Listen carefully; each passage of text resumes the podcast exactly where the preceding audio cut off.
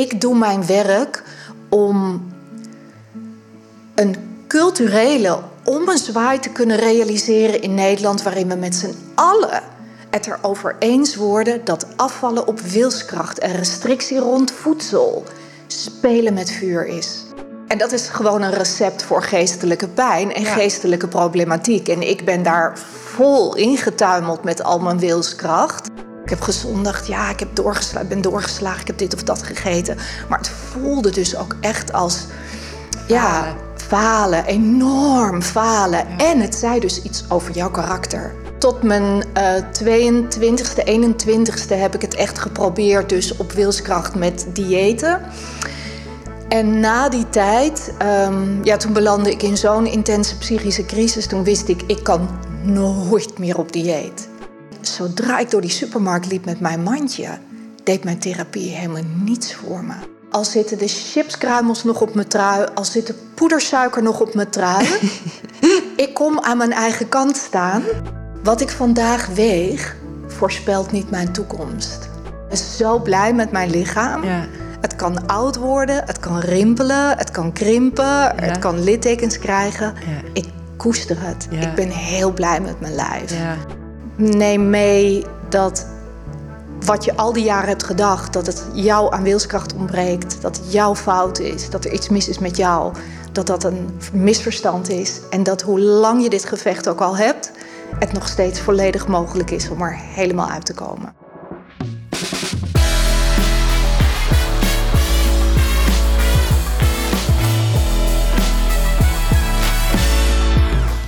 Hey, super gaaf dat je kijkt naar de Win-Win methode, de wekker die je wakker maakt show. Vandaag ga ik in gesprek met Marjena. En daar kijk ik echt ontzettend naar uit. Maar voordat we gaan beginnen, eerst eventjes dit. Vind je het gaaf wat ik maak? Bijvoorbeeld de blogs die ik schrijf of deze show die ik nu opneem. Uh, deel dat dan volop op je social media. En ga naar jannekevandermeulen.nl, want daar kun je doneren. En als jij doneert, kunnen we dit werk lekker voortzetten. Nou, dat gezegd hebbende, welkom Marjena. Dankjewel. Uh, um, ja, ik vind het super gaaf dat je hier zit. Jij gaf me namelijk een heel, heel waardevol inzicht. En ik heb even nodig om dat uit te leggen. Maar heel veel mensen die eten, um, die gebruiken eten eigenlijk vaak eventjes om te zitten, tot rust te komen. Even, even weg van alles. En toen dacht ik, hoe kan dat nou? En jij gaf daar het antwoord op. Uh, als we naar school gaan, dan moeten we eigenlijk de hele tijd kutklusjes opknappen. Dit zijn mijn woorden, hè? dit is vrij vertaald. Mijn woorden. Maar moeten we kutklusjes opknappen van de juf, hè? We moeten dit, we moeten dat, we moeten zus en we moeten zo. En als het dan pauze is en we eindelijk even mogen doen wat we zelf willen... dan mogen we vaak ook eten. Nou, en als we naar school gaan, dan op een gegeven moment... Uh, moeten we naar de meester luisteren en dan hebben we datzelfde. En op een gegeven moment gaan we werken. Moeten we ook de hele tijd dingen doen die we niet zelf bedacht hebben. Hè, maar we moeten klusjes oplossen voor de baas. Mhm. En het enige moment waarop we even doen, mogen doen wat we zelf willen, is tijdens de pauze. En wat mogen we mhm. ook doen tijdens de pauze? Eten. Mhm. Dus zo onbewust wordt de eerste 30 jaar van ons leven, worden we eigenlijk geprogrammeerd dat als we even niks hoeven of even niks willen, is dat gekoppeld aan eten. En als je dat ineens kunt inzien van, oh ja, grappig. Ik ben nu aan het eten helemaal niet omdat ik honger heb, maar omdat ik eigenlijk gewoon even, even wil zitten, even wil rusten en even iets wil doen voor mezelf. Ja. Ja, wauw, wat een inzicht is dat. Dank je wel daarvoor. Ja, ja, ja. Ja, het, het, ik noem het vaak eten om een pauze te legitimeren. Oké, eten om een pauze. ja. Omdat in die, in die koppeling ontstaat vaak ook het idee van ja, zomaar terwijl ik nog heel veel te doen heb, nu zomaar een beetje op de bank gaan hangen. Dat is, uh, dat is niet oké. Maar als je een bord hebt en je bent aan het eten, je mag wel zeggen: ik moet even wat eten. En dan, dan hoor je niemand ergens over, want dat mag. En dus wat ik zag bij veel van mijn klanten is dat, uh, en, en ook bij mezelf herkende ik dat in het verleden, dat ik mezelf niet toestond om gewoon te pauzeren en te ontspannen. Maar ik mocht wel even wat eten. En dus als ik dan maar een bord onder mijn neus had, dan was het oké dat ik even zat en niks deed. Ondanks dat mijn werk nog niet af was. Wauw, ja, Ja. Hier, dit is even het puntje op de i. Want vertel eens even over jezelf, hè? Want eh, je bent nu eigenaar van het bedrijf Etenslessen. Mhm. Eh, dat is natuurlijk niet uit, eh, dat is uit voortgekomen uit een interne struggle. Ja. Je hebt super lang gejojoed. Ja. Nou ja, vertel het zelf maar. Nou, ik, ehm, ik ben als meisje van een jaar of veertien... en waarvan ik nu achteraf ook hoor dat dat voor heel veel vrouwen het geval is... toen die cyclus, die hormonale cyclus op gang kwam... en ik een vrouwenlichaam begon te krijgen, heupen en billen en borsten... zag ik dat aan voor dik. Dus waar ik voorheen zo'n sprietig kinderlijf had... werd ik nu ineens voller en ronder... En ik kreeg daarbij, en ik denk dat dat ook heel erg samengaat met die cyclus, een berenhonger. Dus mijn broer, die schepte twee keer op, maar ik schepte ook twee keer op. En ik zag mijn ouders bij mijn broer dat soort van toejuichen, hè, want je wordt een grote vent. Maar het was niet de bedoeling dat ik een grote vent werd. En ik zag dat mijn moeder regelmatig op dieet was. Dan zaten wij allemaal met onze eh, aardappelen aan tafel en zij had dan een toosje met hutekees. En dat was dan lijnen. En toen ik dus dacht dat ik dik aan het worden was... en mijn ouders een beetje bezorgd keken naar mijn honger... toen dacht ik, oh, maar dan is dit geloof ik wat ik moet gaan doen. En het voelde toen een beetje als een soort van rite passage... van nu word ik ook een vrouw. Want dat is Ah, wat, ja. wat, je, wat je doet als vrouw, dan ga je lijnen. En ik, ik op de een of andere manier... Ja, ik identificeerde me met volwassen zijn... door mijn moeder daarin te volgen. En Ja. ik ben toen op een crashdieet gegaan. Het was echt, als ik er nu aan terugdenk wat ik toen at, is het echt belachelijk. Dat ik met een lijf wat in de groei was, dat zo onder stress zette en onder druk zette door echt te gaan hongeren. Ja. Maar ik had wel na een week of drie mijn kinderlijf inderdaad terug. Wat er alleen ook was gebeurd, was dat ik in die honger die ik was gaan voelen, continu zat te azen en te loeren naar het eten wat ik mijn broer zag eten, het eten wat ik voorbij zag komen. En mijn brein was helemaal gefixeerd geraakt op voedsel. Dus Ja. toen dat dieet voorbij was, zat dat gewicht er in no time weer aan, maar met bonus en met fixatie. En zo is, is er een, een, een probleem op gang gekomen van voortdurend proberen mijn eigen verlangen naar eten te onderdrukken, op dieet gaan. Dat uiteindelijk niet meer volhouden, dan enorm gaan overeten, dat brein wat een inhaalslag maakt. En mezelf daar compleet geestelijk in verliezen. Geen idee hebben hoe dat was ontstaan en het interpreteren als een gebrek aan wilskracht en discipline. En dus denken er is iets mis met mij. En dat, dat liep in de loop der jaren helemaal uit de hand in mijn hoofd. ja, ja, dat ging goed mis. Vertel dan eens. Nou, in dat ehm, niet onder controle krijgen van mijn eigen eetgedrag, ging ik me daarin steeds meer schamen en geloven dat er iets mis was met mij. Ja. En het enige wat in de mm, volksmond werd aangereikt steeds, was het idee dat afvallen een wilskrachtkwestie is. Je moet het gewoon graag genoeg willen, werd er steeds gezegd bij ieder dieet. Ja.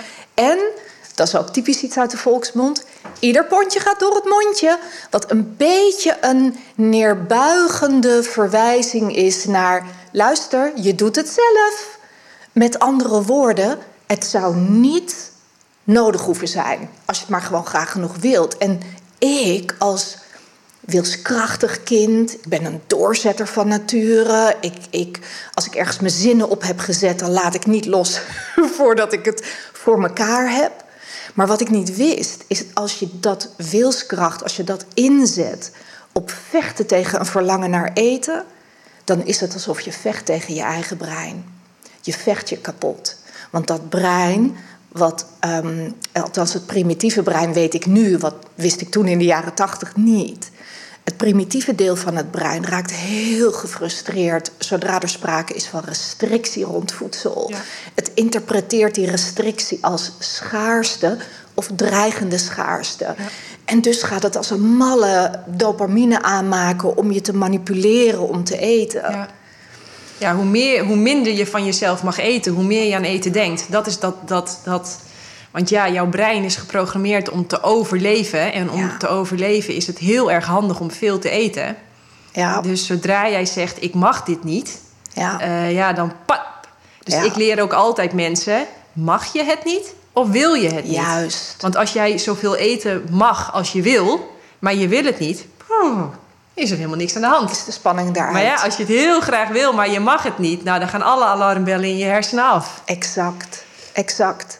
En dat is gewoon een recept voor geestelijke pijn en Ja. geestelijke problematiek. En ik ben daar vol ingetuimeld met al mijn wilskracht. Ja. En de schaamte. Hè, dat mensen. Kijk, in die jaren zijn er periodes geweest waarin ik echt opblies en vol er vol uitzag.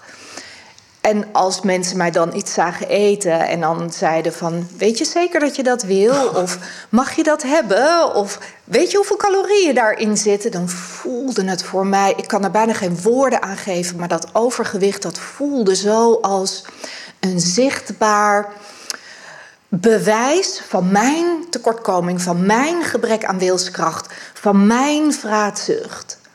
En ik heb het ooit eens opgezocht. Um, het is een, vraatzucht is een van de zeven hoofdzonden. He, Paus Gregorius Eerste heeft er een hoofdzonde van gemaakt... waarmee de kerk natuurlijk iets wat eigenlijk een neurologisch mechanisme is... heeft gekoppeld aan je mores, Ja. aan je karakter. Ja.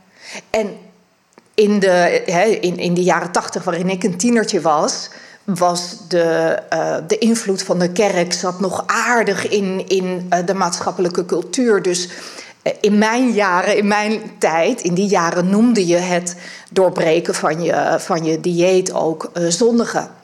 Mijn moeder zei dat ook altijd. En mijn vriendinnen en de moeders van mijn vriendinnen hadden het ook over zondigen. Oh, ik heb gisteravond gezondigd. ik krijg het nou bijna mijn mo- woord, moord- Ja. eh, mond niet meer uit. Maar dat Ja. was toen echt het woord wat je eraan Ja. gaf. Oh, ik heb gezondigd. Ja, ik heb doorgesla ben doorgeslagen. Ik heb dit of dat gegeten. Maar het voelde dus ook echt als... Ja, Falen. falen. Enorm falen. En het zei dus iets over jouw karakter. Ja. Ik las laatst een boek, ik denk het boek van eh Dr. Michael Greger. En daar werd onderzoek gedaan naar eh, eh, mensen met overgewicht. En dan werd hun aangeboden of in één keer van al je schulden af... plus een miljoen euro bonus. Of eh, voor de rest van je leven slank zijn. En dan kozen ze toch voor slank zijn. Ja. Dat, dat, dat onderschatten wij. Maar overgewicht is een van de vreselijkste gevangenissen waar je in opgesloten kunt Ja. zitten. En helemaal eh, omdat wij daar inderdaad nog dat schepje erbovenop doen, alsof het een persoonlijk falen is. Ehm, maar dat onderzoek, dat, ik hoop dat dat heel veel mensen aan het denken zet. Want in één keer van al je schulden af plus nog een miljoentje zou toch heel Ja. aantrekkelijk moeten zijn. Ja, Eh, maar toch kozen ze dan unaniem. Dat was echt eh, een significante Ja. uitkomst voor ja. nou ja, doe dan toch maar slank. Maar hoe heb jij dat zelf ervaren? Want je was niet moddervet. Ik was niet obese, maar vol. En zo vol dat ik er wel opmerkingen over kreeg. Ja. Ik, ik weet nog wel dat ik een keer. dat er, er zijn meerdere jongens geweest, dat was toen in mijn singlejaren. eh, die dan tegen me zeiden: van, eh, Ik vind het zo zonde, want je hebt zo'n mooi gezicht. Of, ehm, als, ja, echt. eh, als, je, als je slanker was, zou ik wel op je kunnen vallen. Nou ja, gedoef. Ja. Ja, ja.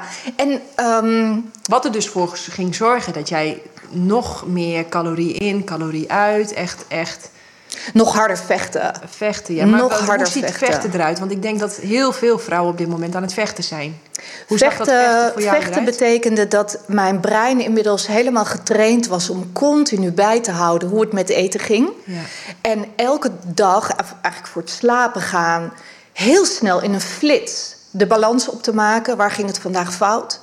En wat kan ik dan morgen eten om het te compenseren en goed te maken? En hoe ga ik het dan morgen doen? Ja. En als ik de volgende ochtend wakker werd, nog voordat ik mijn ogen opendeed, ging mijn brein, zodra ik bij bewustzijn kwam, al direct naar voren halen. Hoe ging het met gisteren met eten? Wat ga je dus vandaag doen? Hoe ga je het doen? En omdat ik me dan bijna altijd, ja, echt heel, heel intens. Obsessie is echt horror. Het slaat me helemaal. Het begint hier helemaal. Ja, ja ik, ik voel hem ook weer als ik Ja. er zo over vertel. Oh. En dan in, dat, in dat, die balans opmaken en me herinneren van hoe, hoe ging het gisteren... voelde ik dan vaak ook in een vloedgolf weer van... oh ja, en daar, daar ging het mis. En oh ja, en dit heb ik gegeten. En oh ja, daar liet ik de bal vallen. Waarmee ik dan de dag begon. De dag was voor mij niet gewoon de dag van ha, hè, weer een nieuwe dag, hier ben ik. Het begon altijd al met een soort van 2-0 achterstand. Waarmee dus ook het spanningsveld met eten al begon nog voordat ik opstond. Ja. En als zodra ik mijn bed uitkwam en recht overeind stond, was het eerste wat ik keek, was checken hoe mijn buik stond, hoe bol die stond, hoe vol ik eruit zag. En daarna op de weegschaal gaan staan en dan bedenken: oké, wat ga ik vandaag eten? Wat ga ik vandaag eten? En wat ga ik vandaag niet eten? Hoe lang heb je in die gevangenis gezeten? In dat obsessieve. Ik, ik, tot mijn eh 22e, 21e heb ik het echt geprobeerd, dus op wilskracht met diëten. En na die tijd, ehm, ja, toen belandde ik in zo'n intense psychische crisis. Toen wist ik, ik kan nooit meer op dieet. Ik kan nooit meer mijn handen branden aan een dieet. Als ik alleen al denk en probeer het aan mezelf via een achterdeurtje te verkopen als... Ik ga alleen detoxen. Oh ja, Weet ja, je wel? ja. Of ik ga, ik ga een soort van lichte cleanse doen. Niet, niet, niet gericht op afvallen, maar gewoon alleen maar lekker op voedingsstoffen binnenkrijgen. Dan, dat brein van mij voelde direct, toch pikte ergens iets van schaarste op. Want als je gaat cleansen, dan zijn er dus bepaalde dingen waar je vanaf moet gaan blijven. Ja, en dan, dan wilde ik al meteen eh, toast met boter. En dan voelde ik direct vraatzucht opkomen. Echt vraatzucht opkomen. En toen? Toen ben ik hulp gaan zoeken, psychische hulp gaan zoeken. Want ik zag ja? diëten, dat, daar moet ik het dus niet zoeken. Blijkbaar is er iets helemaal mis met mij. Ja. En ik, ik was ook echt, ik wilde ook echt niet meer leven. Ik leefde in zo'n hel dat eh, voor mij, zo jong als ik was, ik eigenlijk al geen, geen uitweg meer zag om, om nog iets moois ervan te kunnen maken. En ook los van de successen in de andere gebieden van mijn leven, werden ook die successen compleet overschaduwd door dat gevecht met eten. En dus wist ik, ja, ik moet, ik moet me laten helpen. En nou, dat heb, die hulp heb ik toen gekregen. Alleen ehm, met dat eten werd niet zoveel gedaan. Ik heb in, in de jaren dat ik hulp eh, zocht, eigenlijk altijd alleen generieke psychische hulp gekregen. En dan ga je bouwen aan grenzen stellen. Wie ben je? Er mogen zijn. Hoe was je opvoeding? Wat hebben je ouders wel of niet tegen je gezegd? Hoe heb je dat geïnterpreteerd? Wat geloof je over jezelf? Allemaal hele waardevolle ehm, onderzoeken. En ik heb er heel veel aan gehad. Alleen zodra ik door die supermarkt liep met mijn mandje, deed mijn therapie helemaal niets voor me. Want wat gebeurde er dan? Dan speelden gewoon dezelfde mechanismes nog steeds. En dus, ik, want ook hierin was ik fanatiek toen ik besloot om in therapie te gaan, was ik ook gewoon een hele fanatieke patiënt of cliënt, hoe je het wil noemen. Ja, ja, ja. Dus hey, fileer me maar. Ik onderzoek alles, ik sta overal voor open. Maar in, alles wat ik daar onderzocht, bleef het een soort van: oké, hier is Marjena die kijkt naar haar eigen functioneren, haar overtuigingen, haar zelfbeeld en haar grenzen. En hier is gewoon die vrouw die nog steeds getriggerd wordt als ze door het gangpad van de supermarkt Want wat loopt. gebeurt er dan in je brein? Mm. Kun je daar nog bij?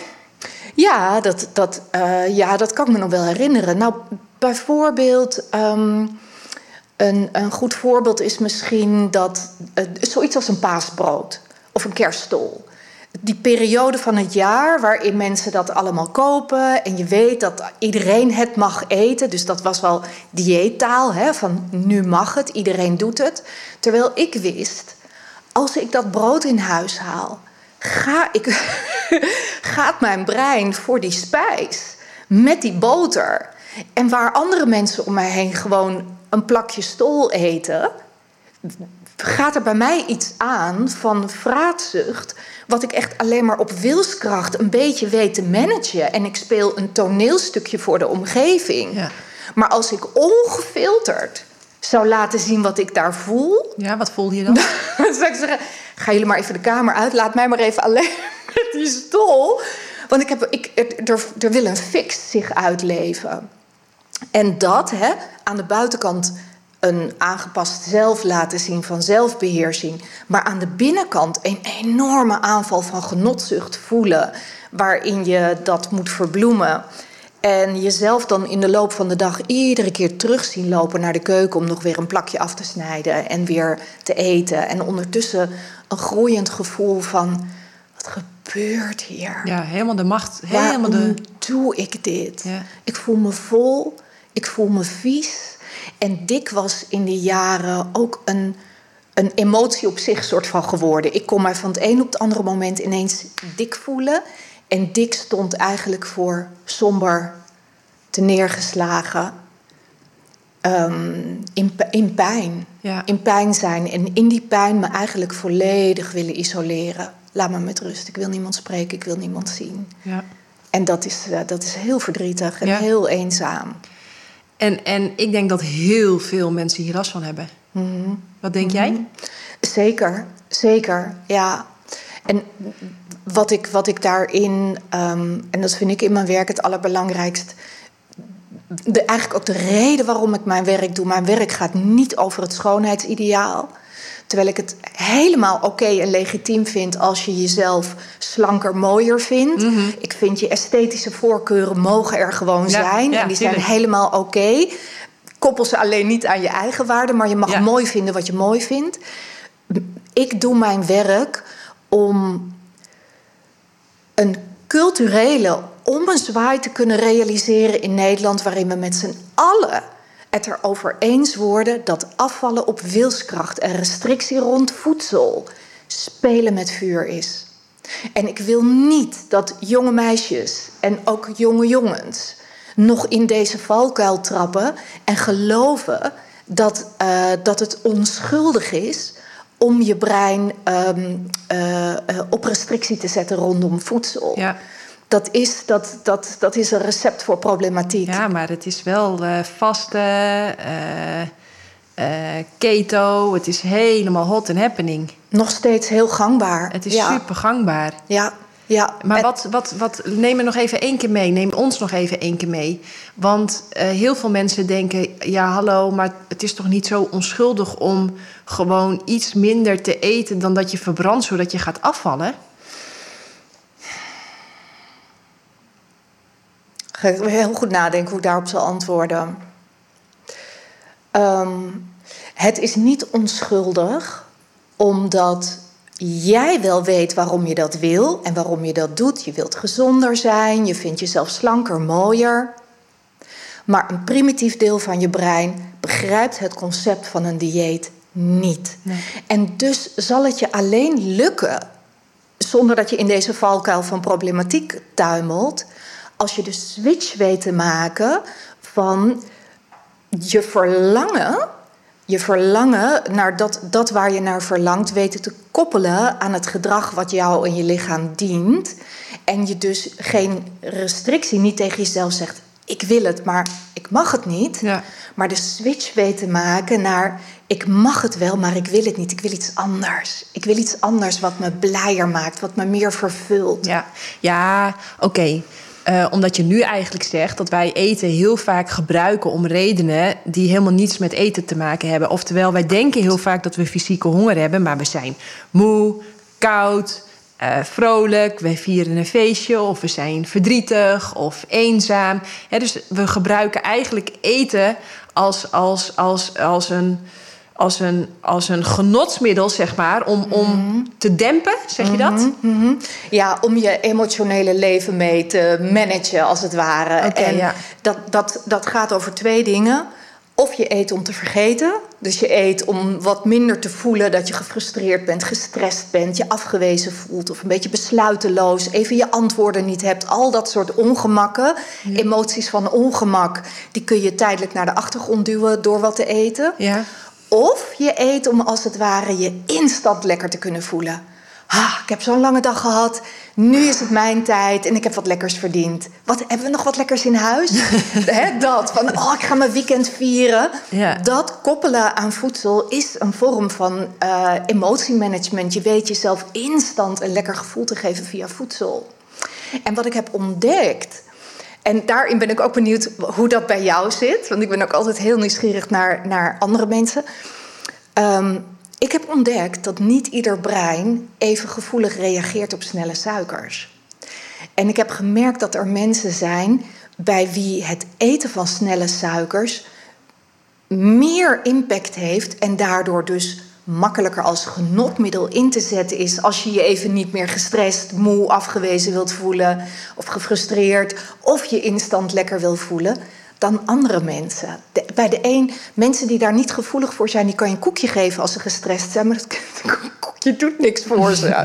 en als je er niet zo in opgaat, ja, dan wil je er ook geen vijf. Hoe, hoe zit dat bij jou? Nou, wat ik heel erg zie is um, dat je de. Kijk, ik probeer altijd de, de problemen echt bij de, bij de kern aan te pakken. En um, en wat ik dan ook mede van jou heb geleerd is... A, het begint met het inzicht van... oh, grappig, ik eet hier niet omdat ik fysieke honger heb. Mhm. En wat je natuurlijk wil is, tenminste, dat, dat, dat geeft heel veel vrijheid... is eten gewoon gebruiken als brandstof en medicijn. Mhm. Dus als je lichaam zegt van... Uh, nou, ik moet eigenlijk eens even wat eten of drinken... want dan functioneer ik beter. Dat je mhm. dat gewoon opmerkt, daar gewoon mee samenwerkt... en that's it. Ja. Maar onze hele samenleving is er natuurlijk op ingericht om jou honderdduizend redenen te geven waarom het een heel goed idee is om weer te gaan eten of te gaan drinken. Mhm. Met als gevolg dat, dat die hele communicatie met je lijf, die, die raakt helemaal vertroebeld. Mhm. Dus, um,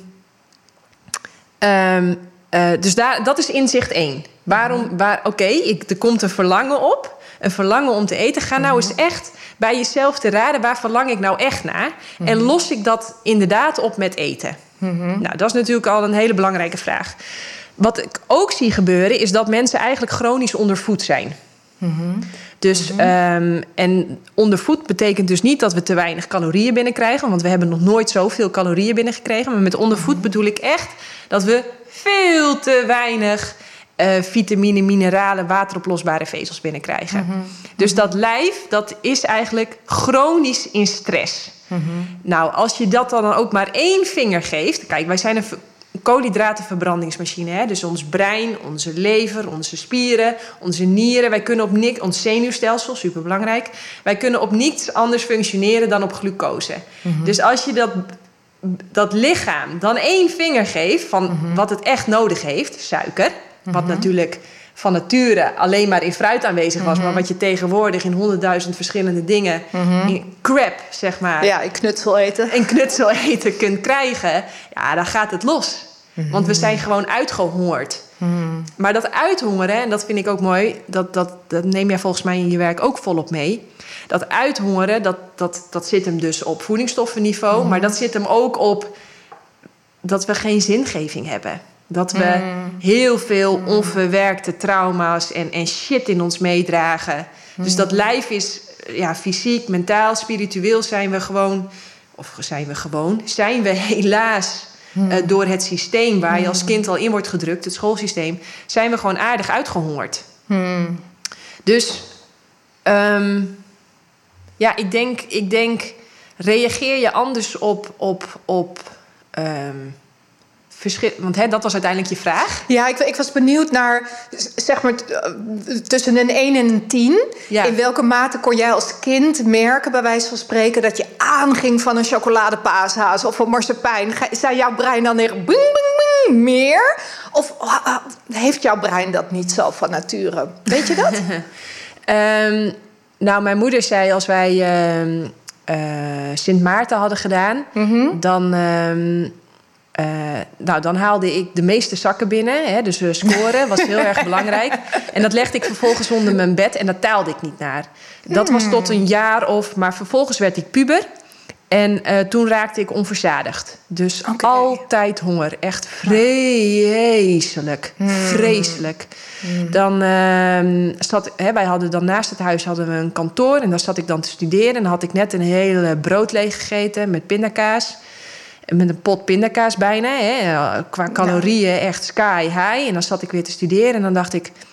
Ja, weet je, ja, ja, ik weet dat ik genoeg heb gegeten, maar ik heb toch nog honger. Ik wil nog wat. Ik wil nog wat. Oh, dat, dat, dat knagende klote gevoel waar je helemaal, helemaal, helemaal... Tenminste, ik werd daar helemaal mm. scheidsziek van. En dat is voor mij ook een hele belangrijke startpunt geweest van...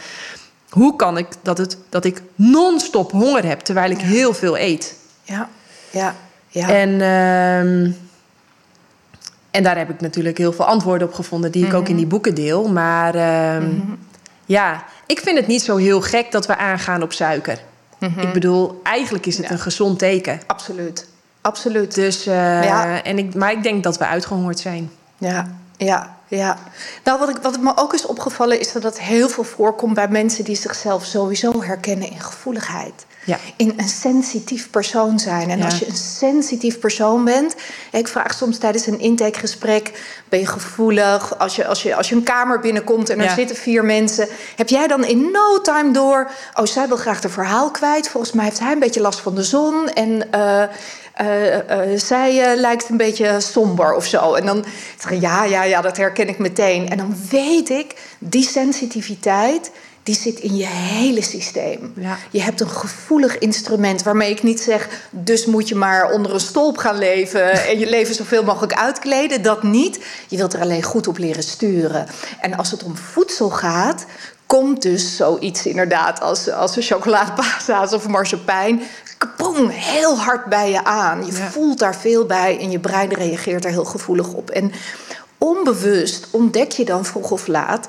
dat je dat eten en de impact die het op je heeft... dus heel goed kunt inzetten als je wilt dat dat wat je op dat moment voelt aan negatieve gevoelens, dat dat tijdelijk naar de achtergrond verdwijnt. Of je jezelf wilt belonen, ja, dat kun je dan heel goed met eten, want Ja. het heeft zoveel effect op je. Ja. hey, maar we gaan eventjes... eh, ik moet nog even iets opschrijven, want je, z- je Ja. zegt, zegt fantastische dingen. Dank je wel daarvoor. Maar ehm, even terug naar, eh, naar jou. Want ehm, nou, op een gegeven moment dacht je... oké, eh, er, li- zit- er is iets mis met mij. Ehm, toen ben je eh, nou ja, met jezelf aan de slag gegaan. eh, of ik, ik, het klinkt als cognitieve gedragstherapie. Ja, ehm, ja.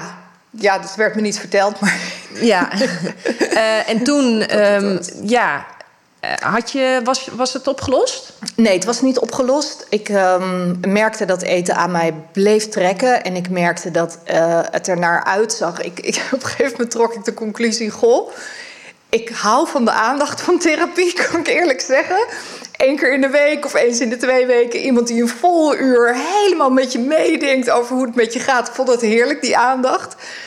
Maar ik zag ook ehm, dat eetprobleem krijg ik er niet mee opgelost. Nee. Ik leer hier veel, maar dat eetprobleem krijg ik niet opgelost. En als ik zo doorga, dan kan ik de rest van mijn leven in therapie blijven, inclusief dat eetprobleem. Ik zag dat het die kant op ging. En ik vond ook dat ehm, absoluut ieder huis heeft zijn kruis. En er waren genoeg dingen in mijn opvoeding blijven liggen, waarvan ik zag dat het goed was dat ik, eh, dat ik therapie kreeg en er daar viel genoeg over te leren. Maar ik zag op een gegeven moment ook, ja, wacht even.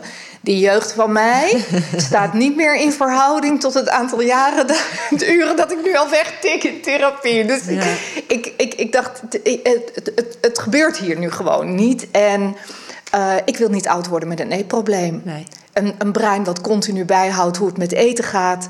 Continu het gevoel hebben dat ik mijn verlangen naar eten moet managen. En daarin waren er soms periodes dat het vanzelf wat beter leek te gaan. Maar dat moest ik dan een soort van afkloppen. Want hoe ik dat gecreëerd had, waar dat door kwam, wist ik dan niet.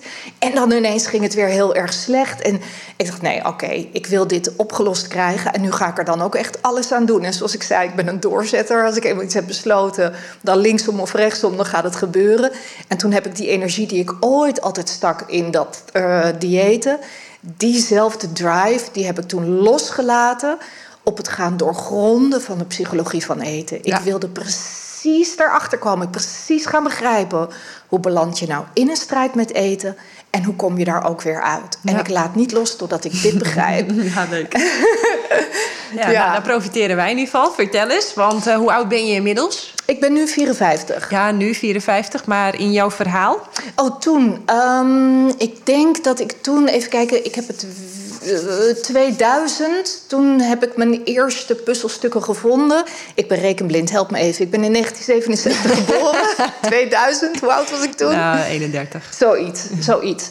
Toen ehm, vond ik voor het eerst het werk van Janine Roth. En dat was, ik, ik zal het nooit vergeten, ik was in de American Bookstore in Amsterdam. En ik was weer aan het zoeken naar, naar iets, iets, iets wat mij iets kon vertellen over de psychologie van eten. Want dat was toen heel moeilijk te vinden. De wereld was nog niet online, je kon het nog niet nee. googelen. Dus ik moest het echt hebben van boekhandels. En ik was in de American Bookstore en tussen alle dieetboeken vond ik ineens een klein boekje. En daar stond op Breaking Free from Compulsive Eating. En ik had nog nooit van de term gehoord, maar ik kon het wel vertalen. Compulsief, compulsief is dwangmatig. Janneke, wat ik toen voelde in mijn lichaam. ik heb iets gevonden. Ik heb iets gevonden. En ik, ze hadden daar een heel oud bankje staan. Het was toen nog een, in een ander pand. Oud bankje. En daar uh, ben ik gaan zitten met dat boek. En dat boek heb ik uiteindelijk moeten plastificeren. Want ik heb het helemaal stuk gelezen. Op de bank, in bed, in bad. Ik, uh, ja, en, en toen kwam ik erachter dat zij ook retreats gaf in Amerika. En toen ben ik naar Amerika gevlogen. En zij was de eerste die. Mijn eerste leraar in een, in, een, in een rij van het vinden van meerdere puzzelstukken. De eerste die mij liet zien wat ik later zelf vertaalde naar. Je hebt een relatie met eten. En diëtiek heeft een scope ja. waarin alleen maar wordt gekeken naar wat moet je eten, wanneer, hoeveel, wat heeft je lichaam nodig. En in die 30 jaar dat ik leefde, had ik daarin verschillende stromingen en diëten voorbij zien komen. maar door haar zag ik ineens: oh, wacht even. We kijken inderdaad altijd alleen maar naar diëtiek, naar dat lichaam. En we doen de aanname dat het, het, het toepassen van een protocol alleen maar wilskracht van je vraagt. Maar je hebt een relatie met eten. Althans, dat waren de woorden die ik er voor mezelf aangaf. En die relatie met eten, die gaat over de manieren waarop je eten gebruikt als je geen honger hebt. Ja. En ook genotzucht, hoe je brein reageert op voedsel. Want ook dat is iets waar diëtiek zich nooit mee bezighoudt. Nee. nee. Volgens mij moet de eerste vraag zijn van... Ja, waar, waarom? Waarom? Ja. Waarom eet je? Waarom eet je als je geen honger hebt? Ja. Wat wil je dat dat eten voor je doet? Ja. En ik kwam erachter dat ik een complete Houdini was. Er was geen emotie die voor mij geen trigger was om meteen iets te willen eten. Gestrest, willen eten. Zie ik tegen mijn taak op, tegen mijn administratie op, willen eten. Heb ik een spannend uh, gesprek dadelijk? Iets willen eten. Is het spannende gesprek net geweest? Iets willen eten. Ja, ja. Was het gezellig? Hebben we wat te vieren? Eten. Iets willen eten. Ja. En dat weer loskrijgen uit mijn brein, zonder dat op restrictie te doen, dat was de kunst en de vaardigheid die ik moest leren ontwikkelen. Want iedere keer, zo, hè, zodra ik bijvoorbeeld toen ik erachter kwam, ja, snelle suikers, daar word ik heel genotzuchtig van, dan kan je ze maar beter niet meer eten. Ja, dat alleen kan dan alweer voelen als restrictie. Luister, jij kan geen maat houden, jouw brein gaat gaga daarop, dan moet je het maar gewoon niet meer eten. Ja, ja, zo werkte dat en, niet. en, en um, ik heb ook een gesprek gehad met Klaas Boomsma. Die was uh, verslaafd aan drank en drugs. Mhm. En wat dat betreft... Uh, oh, dit zijn hele verkeerde woorden. Maar is dat een soort van luxe probleem? nee, maar je kan gewoon Ja. voor de rest van je leven stoppen met, met drank en drugs. Terwijl eten, daar moet je toch een balans in vinden. Je kunt niet zeggen van, nou weet je wat... eten is voor mij gewoon een beetje problematisch. Ik kan geen maat houden, weet je. Ik stop gewoon met eten. Dat, dat kan niet. Je moet... Je moet... Je moet uh, leren om gewoon één biertje te kunnen drinken en dan te stoppen. Je moet leren om één sigaretje te kunnen roken en dan te kunnen stoppen. Dat is eigenlijk wat je moet. Mhm. Nou, de, de analogie die ik maak is dat ik zeg: je, je, je wilt uiteindelijk kunnen onthechten van het eten wat je enorm triggert. Ja, dus dat je het niet meer gebruikt Er komt niemand bij mij die zegt: ik kan niet van de avocado's afblijven. Nee. Of bananen, dat loopt bij mij toch niemand. Nee, Dus, dus er, er is eten wat, wat absoluut geen trigger voor je is. Maar het eten wat dat wel is, dat wordt in tegenstelling tot drank en drugs... je wel te pas en te onpas overal aangeboden. Ja. En dat begint al op het eerste kinderpartijtje... waar je zelf heen gaat als Ja. kleuter. Ja. En dus, dus dat, eh, ja, dat is inderdaad wel een ander ding. Waarbij ik dan ook nog wil opmerken dat drugs en drank nog een beetje rock'n'roll zijn. Een beetje Herman Brood. Je gaat eraan dood, daar niet van. Maar het aura ervan versus overgewicht en gewoon niet van de koekjes af kunnen blijven. Dat is een sneu, een, sneu imago. Oh, overeten heeft-. Ja, overeten is niet rock'n'roll. Overeten is niet sexy, Nee. live fast, die young, eh, Nee, het is gewoon rebel falen, without zeg a maar. cause. Het is gewoon alleen maar al mut. Ja, dan eet je toch wat minder als je in die bikini leuk het strand op wil. Ja, ik snap het. Ik snap De overeters zitten niet Ja. cool bij elkaar te afteren op koek. Nee, nee, nee, nee, nee, nee, precies. Terwijl, nee, oké, ik heb hem nu. Het Ja. kwartje valt. Ja. Het kwartje valt. Je bedoelt, ja, rondom even een pilsje met z'n allen... dat is nog wel even stoer doen. Ja. En even met z'n allen een sigaretje opzoken... of een jointje roken of even wat snuiven. Dat is nog wel... eh Ja. Dan kan je, ja, Ja, ja, precies. Maar dat, dat... Wat uiteindelijk natuurlijk ook vaak heel eenzaam is. Maar dat, dat, absoluut. En dat- destructief, hè? Nee, Ja. begrijp me niet verkeerd. Maar als je adolescent bent en nog heel erg zoekende bent in... ben ik oké, hoor ik erbij... dan is bij een club horen die een beetje rock'n'roll is... ehm, eh, hard werken, hard feesten, cooler, Ja. heeft een cooler imago dan overeten. Ik kan me Ja. nog herinneren dat in de jaren dat eh, de anonieme overeters net in Nederland een beetje in opkomst waren, waren de bijeenkomsten nog heel klein, kwamen heel weinig mensen. En de eerste keer dat ik daar naar binnen liep, zag ik vier te dikke meiden, gewoon vier Marjena's, in hun joggingbroeken met vet haar. eh, in mijn ogen toen nog, hè, want dat was het oordeel naar mezelf toe, sneuwe verhalen vertellen over hun eetbuien. Nou, echt. Kon, kon, kon, kon er niet tussen zitten. Vreselijk. En dat ging natuurlijk allemaal over hoezeer ik mezelf haatte en afwees om dat gedrag. En om dan vier varianten van mezelf daar te zien zitten, vond ik echt vreselijk. Op die leeftijd in ieder geval wel. de ja. anonieme overeters. Ja. Oké, dat bestaat dus. Ja, dat 12-stappenprogramma. Ja, wat je hebt voor anonieme alcoholisten en anonieme eh, verslaafden, dat bestaat ook voor overeten. Ja, ja. En ehm, jij naar Amerika. Ja, ja. Jij leerde daarvan, oh, ik heb dus een relatie met eten. En eten Mhm. gebruik ik niet alleen maar als brandstof en medicijn. Ik gebruik eten te pas en te onpas. Jij, jij had het echt aan alles, Ja. ongeveer alles gekoppeld. Ja, ja en wat ik, wat ik ook ontdekte, en dat ontdekte ik toen niet meteen, maar als je veel hebt gevochten met eten, dan kun je los van de emoties die je voelt, die je niet wil voelen over allerlei andere dingen, zoals ik zei, een spannend gesprek of eh, tegen je administratie opzien. Eten op zich is een op zichzelf staand probleem ook voor je geworden. Dus los van het hebben van een aanleiding wat te maken heeft met je Ja. dromen en je ambities in het leven van alle dag, is dat eten ook een geproblematiseerd geraakt. Dus hoe gaat het met eten? Is iets wat continu in je brein op de voorgrond wil staan. Ja. En een van de dingen die ik moest leren, los het, het, wat ik moest leren was hoe begeleid ik genotzucht in mijn brein zonder het te onderdrukken of te bevechten. Dat is één ding wat ik moest leren. Tweede wat ik moest leren was hoe haal ik eten en emoties weer uit elkaar, Ja. zodat ik iemand word die alles kan voelen zonder dat ze daar eten bij nodig heeft. Ja. En het derde wat ik moest leren was hoe ehm, haal ik de gedachte, hoe begeleid ik mijn brein in het loslaten van het idee dat eten iets is waar ik op moet letten en wat een probleem is.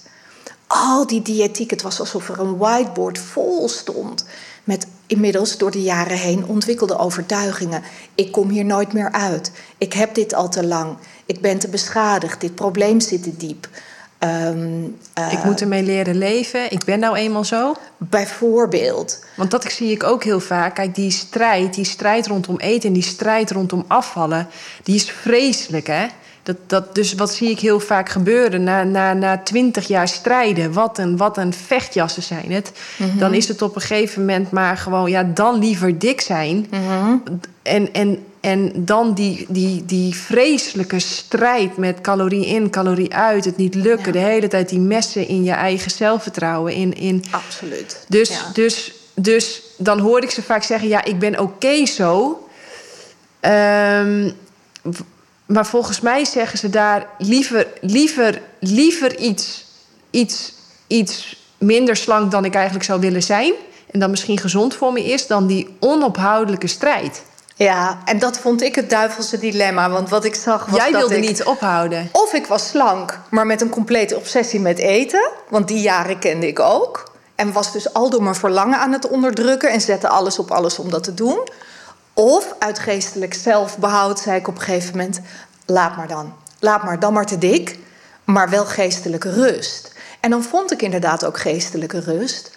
Maar was ik ook altijd zwaarder dan ik wilde. En uiteindelijk vertikte ik het ook om, om dat te accepteren. En dacht ik, het, het moet toch niet zo zijn dat ik de rest van mijn leven of slank ben met een obsessie. Of dik ben met geestelijke rust rond eten. En dan, dan elke impuls om te eten maar gewoon laten gebeuren. En er verder niet over nadenken. En ik wilde niet tussen die twee hoeven kiezen. Ik dacht, het moet toch mogelijk zijn om een fijne relatie met eten te creëren. Die stabiel voelt en betrouwbaar en kalm. Die helemaal zijn plek heeft gevonden. En um, waarin ik ook slank kan zijn. Ja. ja. Wanneer was je voor het eerst uh, slank? En dat je dacht, Ah. Dat ik beide had. Ja. Want slank was ik wel vaker. Maar ik, mijn, mijn, als, ik, als ik foto's zie op Instagram van een hele, ik weet het niet, fit girl-achtige dunne meisjes, dan is dat voor mij nog niet een attest dat je ook een fijne relatie met eten hebt. Je kan bloedmooi, super slank zijn met een complete hel in je hoofd. dus die foto's die zeggen mij niet zoveel. Ik wilde en een fijne relatie met eten en slank zijn. En dat is zo rond mijn 36e. Kon ik echt zeggen, ja, ik heb nu echt een fijne, stabiele relatie met eten. Ik ben uit mijn eetprobleem. Wauw. En uh, ja, dat is, och, wat een vrijheid. Ja, ja. ja. Wat blijft er dan een hersencapaciteit en energie over om te doen waar je, wat, wat, wat, je, wat je eigenlijk. Ja. Um, want het neemt zoveel tijd en ruimte en energie in beslag als je de hele tijd dat moet managen. Ja, het was ook best bizar toen ik eenmaal zag ik hoef, ik, ik hoef niet meer te checken hoe het gaat. Het gaat gewoon al heel lang goed. En ik weet nu ook hoe ik dat heb gecreëerd. Het is oké. Ik mag dit gaan loslaten en ik mag mezelf een ander label gaan geven, een andere identiteit. Wow, Want ik was al vanaf mijn veertiende dat meisje met dat eetprobleem. En nu mocht ik dus gewoon een vrouw zijn en mezelf bestempelen als iemand met een fijne relatie met eten. En toen ontstond er tijdelijk een soort van vacuüm dat ik dacht ja, slank was ik al een tijd, dus niemand die nog iets opviel daarin. Maar er was wel een moment waarop ik besloot: het is voorbij. En toen dacht ik. Er is geen fanfare in de straat, er is geen confetti, niemand die me feliciteert. Iets wat zoveel jaren lang, decennia lang, mij compleet heeft uh, gedomineerd en uh, pijn heeft gedaan, is nu voorbij. En niemand die zegt, yeah! ja. Maar dus dat hoeft ik... ook niet, toch? Nou, ik wilde het wel markeren. Ja, ja ik vind dat wel belangrijk. Ik, want het, het, het, het, had enorm veel werk gevraagd om het voor elkaar te krijgen. En toen heb ik aan mijn man gevraagd. Zou je een kaart voor me willen schrijven met gefeliciteerd, je bent uit je eetprobleem? En het was natuurlijk raar, omdat ik het aan hem vroeg. Weet je, bijna alsof je vraagt: wil je bloemen voor me kopen om me te feliciteren? Maar ik, ik wilde het ritualiseren om het echt te markeren en mijn mindset extra te laten verankeren. Ja, ja, ja, ja, ja. ja Dit is je gelukt, het is klaar. En, en toen was er een tijdje een soort van niemandsland, want er viel niks meer om aan te werken. Wat ik inmiddels ook al decennia lang deed. Elke dag was ik die ridder op dat, op dat paard die hè, bezig was om die materie te doorgronden. En toen was er dus een vraag: wat wil je nu met de ruimte die je hebt? Ja, precies, want wat een ruimte, ja. Wat wil je ermee? Ja. Nou, ontvangen, genieten, doorgeven.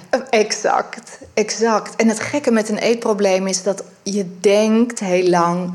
als het straks voorbij is, dan, nou, dan ben ik, loop ik op wolkjes. Maar het gaat heel snel voorbij, dat gevoel. En daarnaast gewoon je nieuwe normaal. Ja.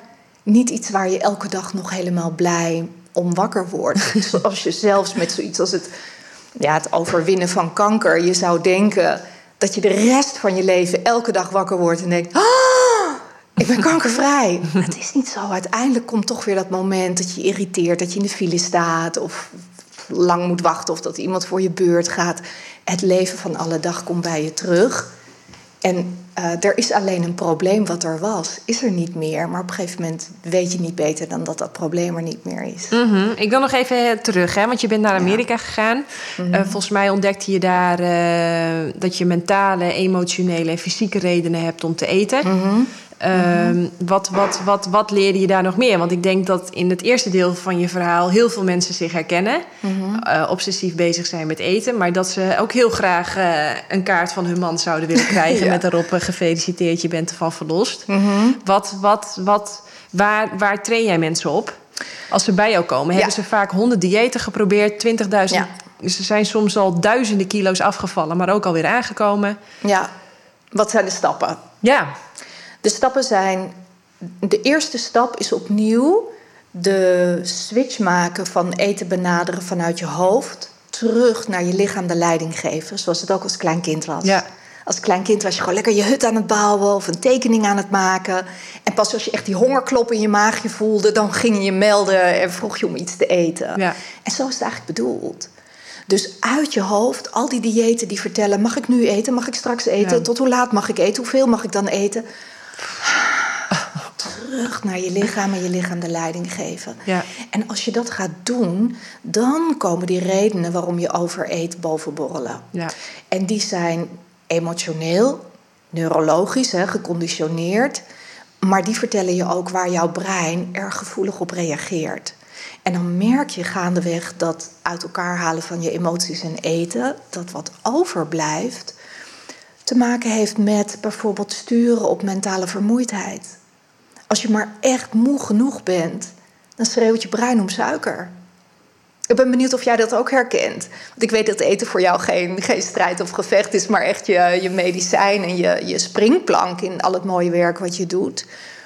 Merk jij ook dat als je niet per se maaghonger hebt, maar je brein echt uitgeput is omdat je heel lang je hebt geconcentreerd bijvoorbeeld op schrijfwerk, merk je dan ook dat je brein om een oppepper vraagt? Mm, nou, grappig. Ik laat het natuurlijk daar niet op aankomen. Ik train twee keer per dag, waardoor ik dus ook heel regelmatig eh, het, het, het überhaupt al verschuif van brein naar lijf. Eh, wat ik echt een dikke aanrader vind. ehm, sowieso.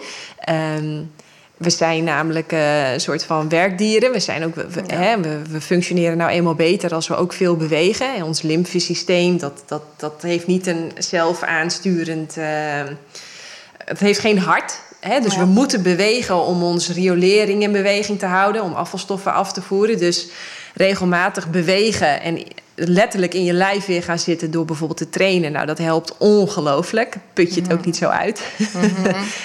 Dus, ehm, maar ehm, ehm, ja, als ik. ik zit heel diep te graven naar dat gevoel. Goh, heb ik dat gehad? Wanneer heb ik dat gehad?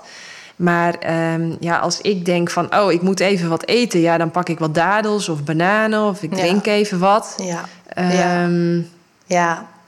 Nou, het, het- als zodra je uit je hoofd gaat en terug naar je lichaam, wat ik dan je hongerbalans noem, als je je hongerbalans gaat volgen, dan ga je erachter komen wanneer je eigenlijk wilt eten zonder dat je honger hebt. Ja. En dat is in de eerste fase van mijn begeleiding het werk wat je gaat nou, doen. je, ik herinner me nu iets. Ehm, eh, en dat was direct voor mij, ik werd direct wakker. Eh, we kwamen terug van een trainingskamp. En dan was ik lang geweest. Ik had nog een verkering met mijn eh, vorige vriend, met Joost. En ik had op een of andere manier verwacht, gehoopt, verlangd dat hij dan thuis zou zijn en mij op zou vangen. Maar ehm, ehm, hij belde niet eens. Dus mijn vader belde, mijn moeder belde, een random vriend belde van hoe was het, je eerste trainingskamp, bla bla bla. Ehm, dus iedereen had interesse, maar niet hij. Nou ja, de woede, je, hè, dat, oh, want er was waarschijnlijk, het emmertje zat waarschijnlijk al een beetje vol. En dan ook nog dit, weet je wel, lang weg geweest, eerste trainingskamp. Iedereen toont interesse, maar hij 0,0.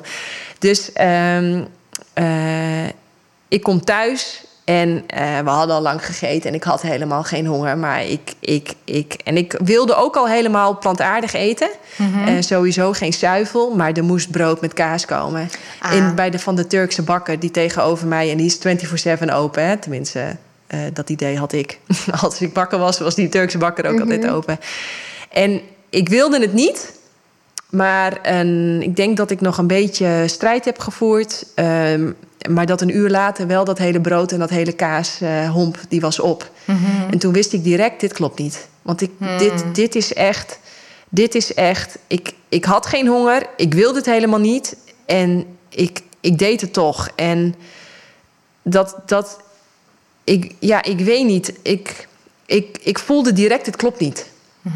Dit klopt niet. Dit is, uh, dit is, uh, dit is, als honger niet het probleem is, is eten niet de oplossing, Janneke. Dat had ik direct al. Het creëer je alleen maar meer problemen mee. En, uh, goh, ik zit nu heel diep te graven. Hoe heb ik dat. Uh, nou ja, dat, dat, dat zat bij mij direct diep. Als honger niet het probleem is, is eten niet de oplossing. Je creëert alleen maar meer problemen. Ja, bam, toen had ik mijn licht erop geschenen. En toen ging ik dat uitzoeken. Ja. En... Uh, want dat, dat wilde ik nooit meer. Je, wat, ik, ik, schreef zo straks met jou mee. Je voelt je dik, je voelt je vies, je voelt je... -hmm. je, je, voelde je al kut en je voelt je dan -hmm. nog kutter. -hmm. En ja, daar werd het niet beter van. Dus, uh, wat ik wel mooi vind, wat je zegt, wat ik knap vind... is dat je vanaf het moment dat je je daar bewust van was... meer bereid was om dan in dat ongemak te zijn... van het liefdesverdriet of de teleurstelling... dan het weg te eten ja, ja, ja, ja, ja. Je leert heel snel. Ja, tenminste, je leert heel snel. Of tenminste, ik heb daarna mezelf aangeleerd van... Uh, ja, je moet jezelf leren dragen in dat ongemak. Mm -hmm. En dat ongemak, dat lijkt op dat moment dat dat eeuwig duurt... en dat dat weg moet en moet stoppen. Mm -hmm. Maar dat is niet zo. Mm -hmm. Dat ongemak, dat komt, dat gaat... en dat kun je prima dragen, dat kun je uitzitten. En uh, als je dat uitzit en je draagt dat en je kijkt ernaar... zonder erin mee te gaan dan is dat heel erg helend. Mm -hmm. Terwijl als je het wegstopt, mm -hmm. wegeet, wegdrukt, uh, er tegen vecht, dan, dan creëert het alleen maar meer shit. Dus, um, ja. en ik had wel heel sterk van. Um, uh, ik had toen dat boek, uh, ik denk Dieren eten ook gelezen. En toen was mij ook tot het inzicht gekomen hoe gruwelijk die, die zuivelindustrie is. Hè? Dus dat als ik kaas wil eten, dat dat betekent uh, dat er een kalfje direct weg wordt gehaald bij de moeder. Mhm. Ja, daar wilde ik echt niet aan bijdragen. Mm-hmm. En dat had ik nu wel gedaan. En dat deed mij ook pijn. Ik dacht, mm-hmm. ja, fuck, dat wil ik niet. Ik wil ja. dat niet. Ik wil dat echt niet. Dat is Joost niet waard. Hij is leuk, maar niet zo leuk. nee, ja, precies. Um, dus um, dat, dat, uh, dat schoot me net ineens te binnen. Mm. Ja. Mooi, ja. mooi. Ja, dus dat voedde je ook heel erg, dat idee. En die, die, uh, dat gaf ook kracht. Nou, wat, wat, wat um, als je veel dieet hebt gevolgd en dus snel dat spanningsveld voelt van... Dit is het ding, als je veel dieet hebt gevolgd... dan is alleen, kan alleen al de gedachte... oh, dit is al de derde dag dat het goed gaat. De derde dag dat ik niet overeet... kan al een trigger zijn voor spanning... Want dan wil je dus dat het vandaag opnieuw zo'n goede dag wordt. Oh, en als ja. het vandaag opnieuw een goede dag moet worden, ga je dus oppassen. Word je bang. En dat, in, uh, want je, je, vroeg me eigenlijk wat zijn de stappen. Ja, ja, ja. Als de eerste stap is je hongerbalans opnieuw gaan verkennen en Ja. je lichaam de leiding willen geven en dat tot ontwikkeling brengen, want dat lukt je in het begin helemaal niet, maar dat graag tot ontwikkeling willen brengen, dan wordt duidelijk op welke momenten je wilt eten om andere redenen. Ja. Daarnaast ga je dan onderzoeken. Dus zelfobservatie. Dus je moet de hele tijd Ja. bij jezelf onderzoeken. Oké, ik heb nu zin om te eten. Is dat echt omdat ik fysieke honger heb? Of is er iets anders aan de hand? Ben Ja. ik koud? Ben ik moe? Ben ik gespannen? Ben ik eh, euforisch? Weet ik veel wat. Ja, en als ik dit nu ga eten, wat wil ik dan eigenlijk dat dit eten voor me doet? Want als het niet is omdat ik honger heb, dan wil ik dus eigenlijk dat het iets anders voor me doet. Ja. Ah, ik wil dat het me ontspant. Oh, ja. ik wil even met rust gelaten worden. Of ik ben nu gestrest en ik wil even vergeten wat me dwars zit. En dat eten kan soms ook, wat ik zei over als het een op zichzelf staand probleem is geworden, kan het ook al zijn dat je wil eten omdat je een dopamine aanval krijgt in reactie op de gedachte: het is al de vierde dag dat het goed gaat. Ik hoop dat het zo blijft. En dat alleen kan al een trigger zijn voor dat primitieve brein om de oortjes te spitsen en te zeggen: wat iets met eten? Schaarste? Nog een dagje schaarste? Precies. En dan voel je ineens een craving opkomen en een verlangen om te overeten. Terwijl er is op dat moment niks wat je dwars zit met je werk. Er is niks wat je dwars zit met, je, met, met andere gebieden van je leven. Puur en alleen dat eetstuk op zich. En dus is een van de belangrijkste tools die ik mijn klanten leer... is het doen van gedachtenwerk. Het sturen op wat denk ik... helpt het mij wat ik nu denk? Mhm. Wat geloof ik? En wil ik dat blijven geloven? Gedachtenwerk, grappig. Dus je gaat eigenlijk kijken van... ehm, eh, is het waar wat ik denk? En eh, klopt het wat ik denk? Kan ik dat zeker weten? Helpt het? Ja, ja, heel veel gedachtepatronen die in een strijd met eten ontstaan, houden die strijd met eten in stand. Noem eens wat. Nou, zoals bijvoorbeeld de gedachte het bijhouden hoe lang het al goed gaat. Oh ja. Dat lijkt heel onschuldig, maar het houdt je strijd met eten in stand. Want je blijft dan denken vanuit een kader: er is een probleem en ik ben dat probleem aan het oplossen. En het is best ingewikkeld wat ik nu zeg, Ja. maar binnen dat denkkader ga je dan dus uit van een context van een probleem. Jij met een probleem. Ja, ja, en ja, als je dat niet doorziet, blijf je jarenlang een vrouw of een man die op weg is om een probleem op te lossen. Maar het gaat de derde dag goed. Wat, wat zit daar eigenlijk onder? Wat zit daar voor overtuiging onder? Ehm, dat het mis zou kunnen gaan. Ja, dus eigenlijk... eh, ja, precies. En dat je die controle waarvan je niet overtuigd bent dat jij die zelf weet te creëren, dat die in jou zit. Ja. En dat is zeg maar in de stappen van het leren volgen van je hongerbalans, het leren doorvoelen van je emoties, het leren sturen op je gedachten en overtuigingen die je kiest, is de volgende stap in dat proces dat je ehm, scheppend werk gaat doen met je gedachten en daarbij jezelf gedachten aanreikt van stabiliteit en vertrouwen. En ook best practices gaat verzamelen. Scheppende gedachten. Ik, ik, ik, ik moet bijna lachen. Vertel even, wat zijn scheppende gedachten? Nou, het brein heeft onwillekeurig zo'n 60.000 tot 80.000 gedachten per dag. Ja. Die komen gewoon. Hè. Ja. Als, je, als je mediteert, dan, dan observeer je ze, komen ze allemaal voorbij. Maar ons brein vindt het helemaal niet leuk om een puzzel voorgeschoteld te krijgen waarin je zegt: kom eens met iets nieuws. Ik wil een hele andere identiteit creëren over mezelf als het om eten gaat en afvallen. Anders dan dat riedeltje, ik zal altijd de strijd met eten houden.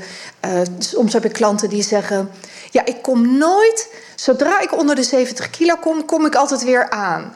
En ze denken dat ze mij alleen maar de feiten vertellen, maar het is inmiddels een overtuiging geworden. En wat creëert die als ze die blijven geloven? Dat zodra ze onder die 70 kilo komen, Ja. gaan denken: ze, Nou, je zal zien, je zal zien. Waardoor ze cravings krijgen, want dat brein voelt: Oh, iets met eten. Ja, ja, ja, ja. Kom, ja. en daar ga je. Dus je brein bewust aan het werk zetten. En zeg, vertel mij eens iets heel nieuws.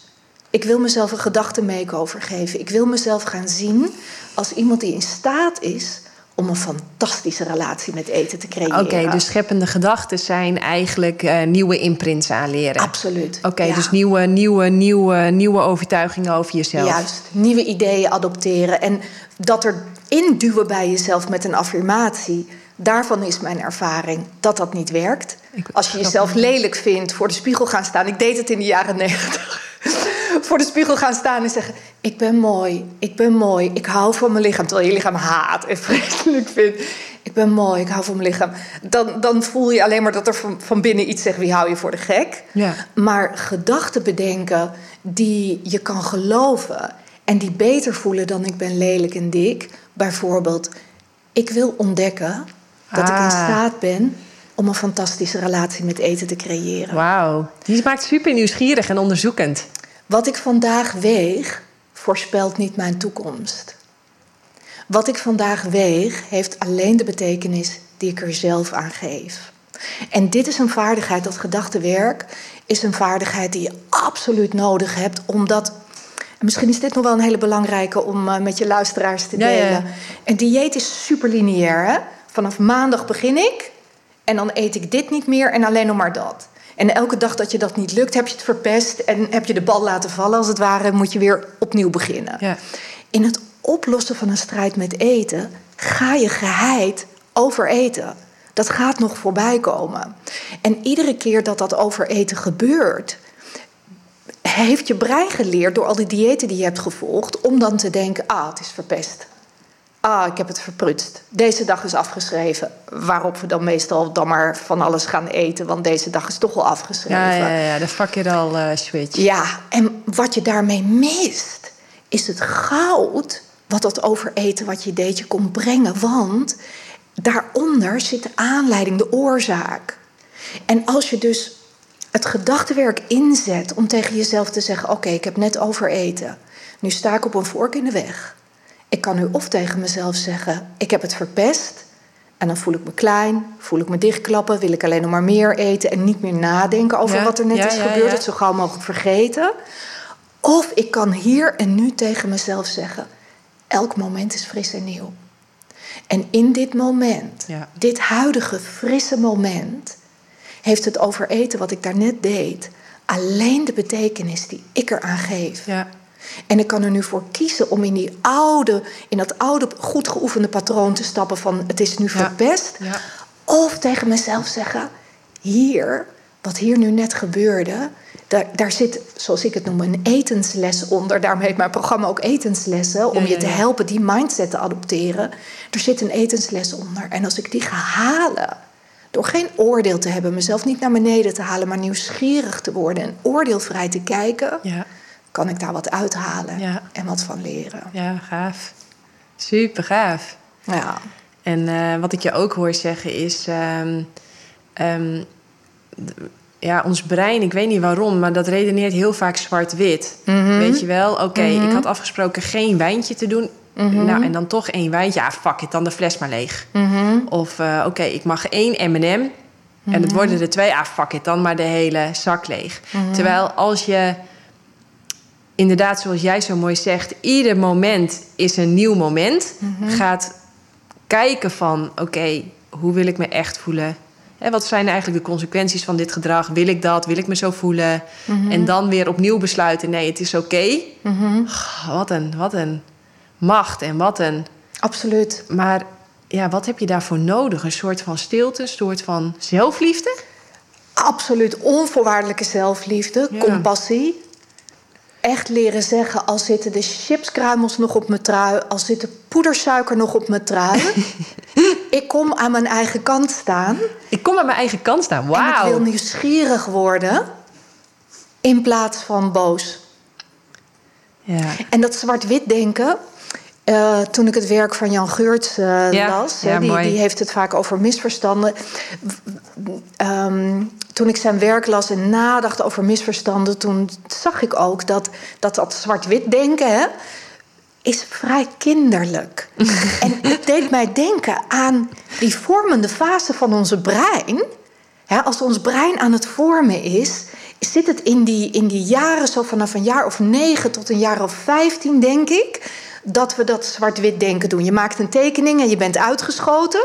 En dus nou, pop ervan maken, dus de hele tekening is verpest. Ja, weet je, dat, dat zwart-wit denken. En ik denk dat in dat egootje van ons als kind, in die vormende jaren, die relatie met onszelf zich ontwikkelt. En als die niet door onze ouders wordt opgepikt of door docenten wordt opgepikt of er wordt je niet voorgeleefd hoe compassie werkt, hoe nieuwsgierigheid werkt en hoe het veel interessanter is om als je een cijfer terugkrijgt niet te zeggen ah jammer het was een 2 of volgende keer beter je best doen, maar dat er nieuwsgierigheid is naar oké laten we gaan kijken. Ja. We gaan kijken hoe wat wat wat geloofde jij of begreep jij waardoor het die 2 is geworden of die, die, die growth mindset versus een fixed mindset. Ja. En dan roep ik even dat dat het werk van Carol Dweck is. Als je, als je dat niet voorgeleefd krijgt, dan kan dat egootje, dat kinderego, wat zo zwart-wit denkt, in de relatie met jezelf voor veel spanning zorgen. Ja. ja. Want daar waar je dan niet aan je eigen plan hebt gehouden, word je gewoon afgewezen door jezelf. Ja, vreselijk. En, ach, en in dat creëren van onvoorwaardelijke liefde, om dat, die strijd met eten op te kunnen ruimen, heb je die nieuwsgierigheid en support nodig. En vind ik het ook meteen van jou als topsporter. Het hebben we het helemaal niet over gehad, maar de eerste keer dat ik jou zag, ik was echt van wauw. Als Nederland ooit nog bezet wordt door een vijand, ga ik achter Janneke staan. Je maakt op mij zo'n indruk. Als topsporter, als Amazone, jouw vitaliteit, jouw kracht. Ja, ik vond het echt geweldig. Ik was naar een, uh, ik geloof een lezing van jou op een Raw Food Festival in Amsterdam. En jij liep over het sportterrein en ik zag jou lopen en ik dacht, ah, wat een vrouw. wat een vrouw. En um, waarom neem ik deze afslag? Uh, we hebben het over zwart-wit denken. En wat, wat mij altijd fascineert in topsporters, en dat is mijn vraag ook aan jou Hoe ga je om? Want nu hebben we het dus over compassie. Hè? Het gaat niet zoals je wilt met overeten. Die poedersuiker zit nog op je trui en dan aan je eigen kant komen staan. Hoe is dat voor een topsporter, vraag ik mij vaak af. Waarin er zoveel ogen op je zijn gericht. Je zoveel jaar naar een bepaalde prestatie hebt toegetraind. En dan komt er dat moment waarop je, ik weet het niet, misschien een, een, een, een fout maakt, een technische fout maakt. Of er, nou ja, een blessure die erin schiet, dat overkomt je dan. Maar hoe vang je jezelf daar mentaal in op en kom je aan je eigen kant staan en kan je leren van wat daar gebeurt, gebeurde versus uh, jezelf keihard afwijzen? Ja. Nou, dat keihard afwijzen, dat heb ik ook wel eventjes een fase geprobeerd hoor. Maar oh. dat, dat, uh, ja, dat, dat, dat, ik kwam er wel ook alweer heel snel achter van dat werkt niet. Het is niet mm. leuk voor jezelf, het is niet leuk voor je mm. omgeving. Je schiet er helemaal niets mee op. Mm-hmm. Um, maar dat zwart-wit denken, zwart-wit denken brengt je gewoon niet zo heel ver. En je, um, kijk, ik denk dat Eckhart Tolle mij dat leerde, maar uh, je bent niet je prestatie. Mm-hmm. Dus uh, je moet heel snel leren dat je je eigen waarde loskoppelt van wat je presteert. Ja. Maar wat was bij mij de trigger? Uh, nou, ik denk toch een paar keer ook afgewezen worden. Mm-hmm. Dat dat heel goed voor me is geweest. In, in sport of ja. in... Uh, Oké. Ja, in sport afgewezen worden. Dus, voor een team of ja, moet ik voor het een voor team me zien? afgewezen okay. worden. Ja. En, en dan naar binnen gaan en dan voelen... oh, grappig, ik ben, ik ben tien minuten geleden was ik dan zogenaamd een hele goede roeier. En dan nu ben ik afgewezen en dan ben ik nu zeker een hele slechte roeier. Nee, dat is natuurlijk niet zo. Ja. Want ik ben nog steeds precies dezelfde persoon. Ja. Alleen, hij heeft besloten dat... ja, er zijn maar vier zitjes en er zijn zes meiden... en ja, ik mag niet op dat zitje zitten. Dat is eigenlijk het enige wat er gebeurt. Ja. En en ook met die bril naar wedstrijden gaan kijken. Van, oh ja, grappig. Nu kwam de, hè, de nummer 5 kwam 0,03 seconden later over de lijn dan de nummer 1.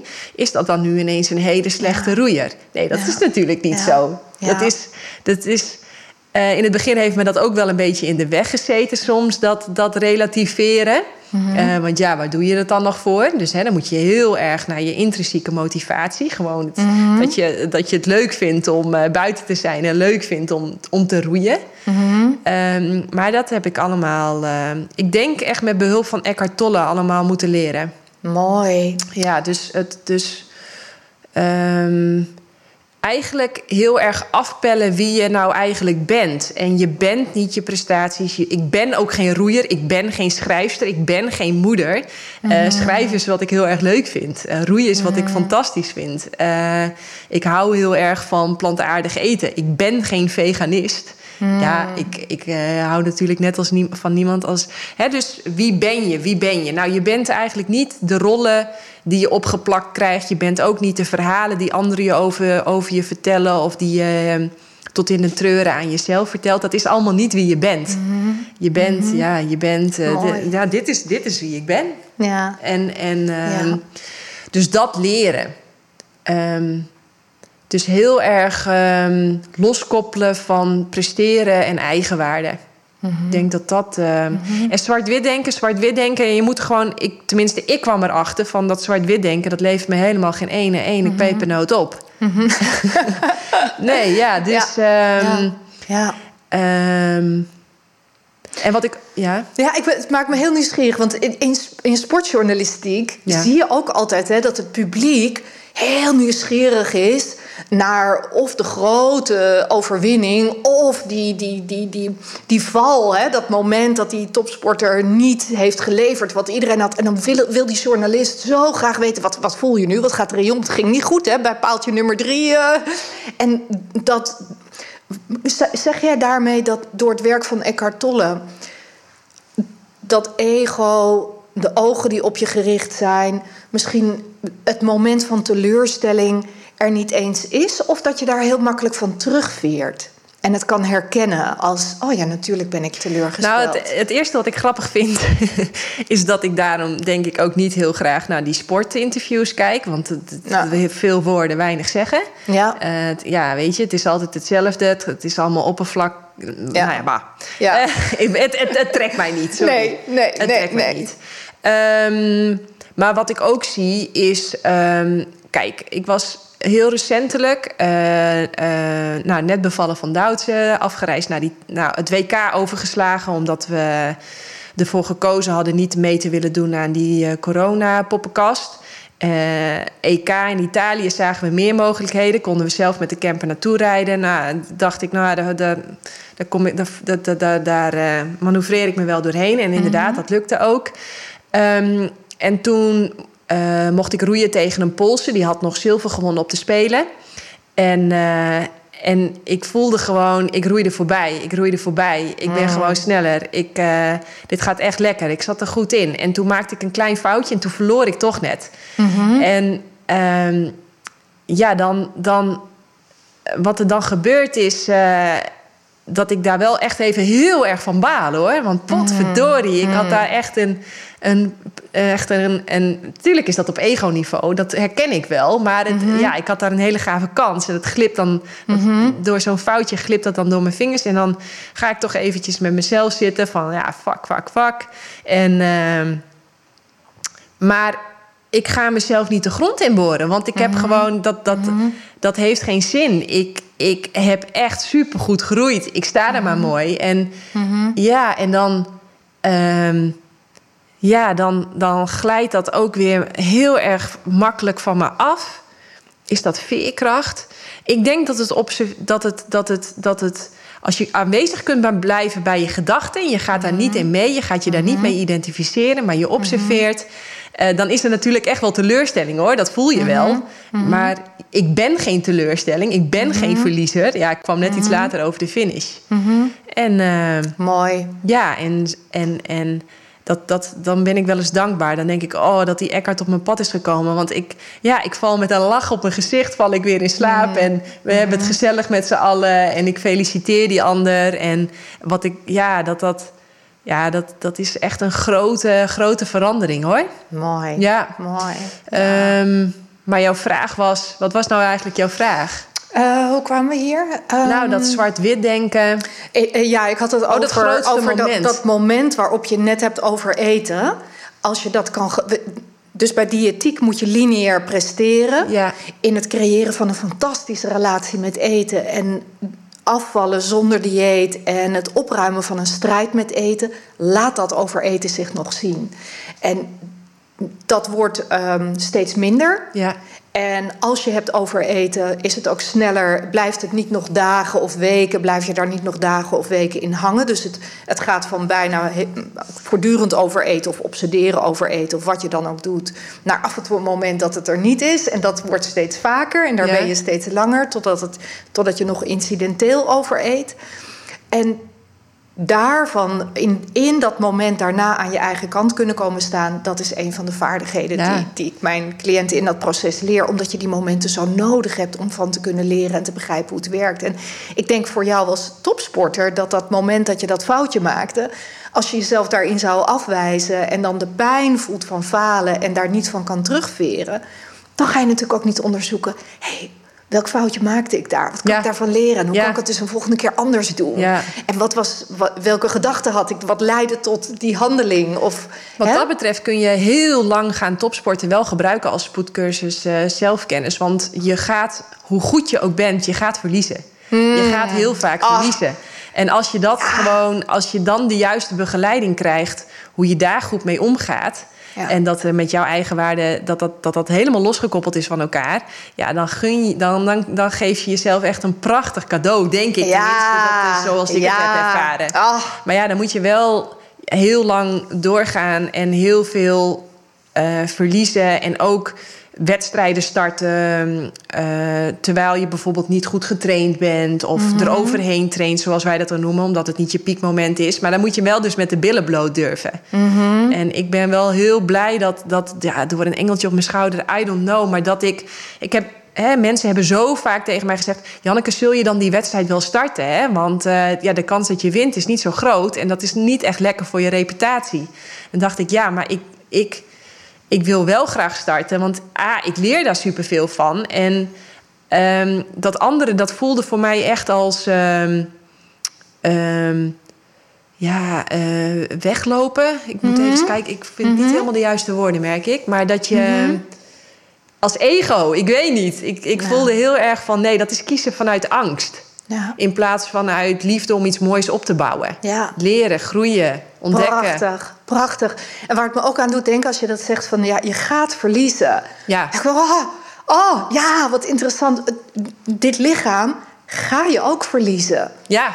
Dus je, je eigenwaarde koppelen aan je lichaam en aan een schoonheidsideaal Ja, dat is kansen. is geen goede strategie. helemaal niet als vrouw, want ons lijf verandert non-stop. Je wilt het liefst oud kunnen worden met dit lichaam, terwijl je er knetterveel en onvoorwaardelijk van houdt, zodat het verschrompelen kan, oud Ja. kan worden, beschadigd kan raken, misschien zelfs ooit verminkt kan raken, dysfunctioneren en jij er nog steeds evenveel van houdt. Er super goed voor zorgt. Ja. Want dat mag gewoon, hè? Je Ja. mag er gewoon super goed voor zorgen. Ja. En eh, dat is ook leuk.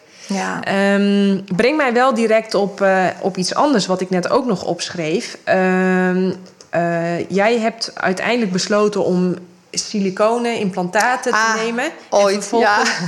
ook weer om ze eruit te halen. Ja, Hoe was dat? ja. Want ehm, in mijn praktijk kom ik superveel vrouwen tegen die onverklaarbare klachten hebben. Mm. En we komen er nu steeds vaker achter dat dat wel eens te maken kan hebben met, met lekkende siliconen. Maar Ja. wat ik veel belangrijker vind, is dat hele verhaal erachter. Want door eigenlijk zeg je tegen jezelf: ik ben niet goed zoals ik ben. Ik moet.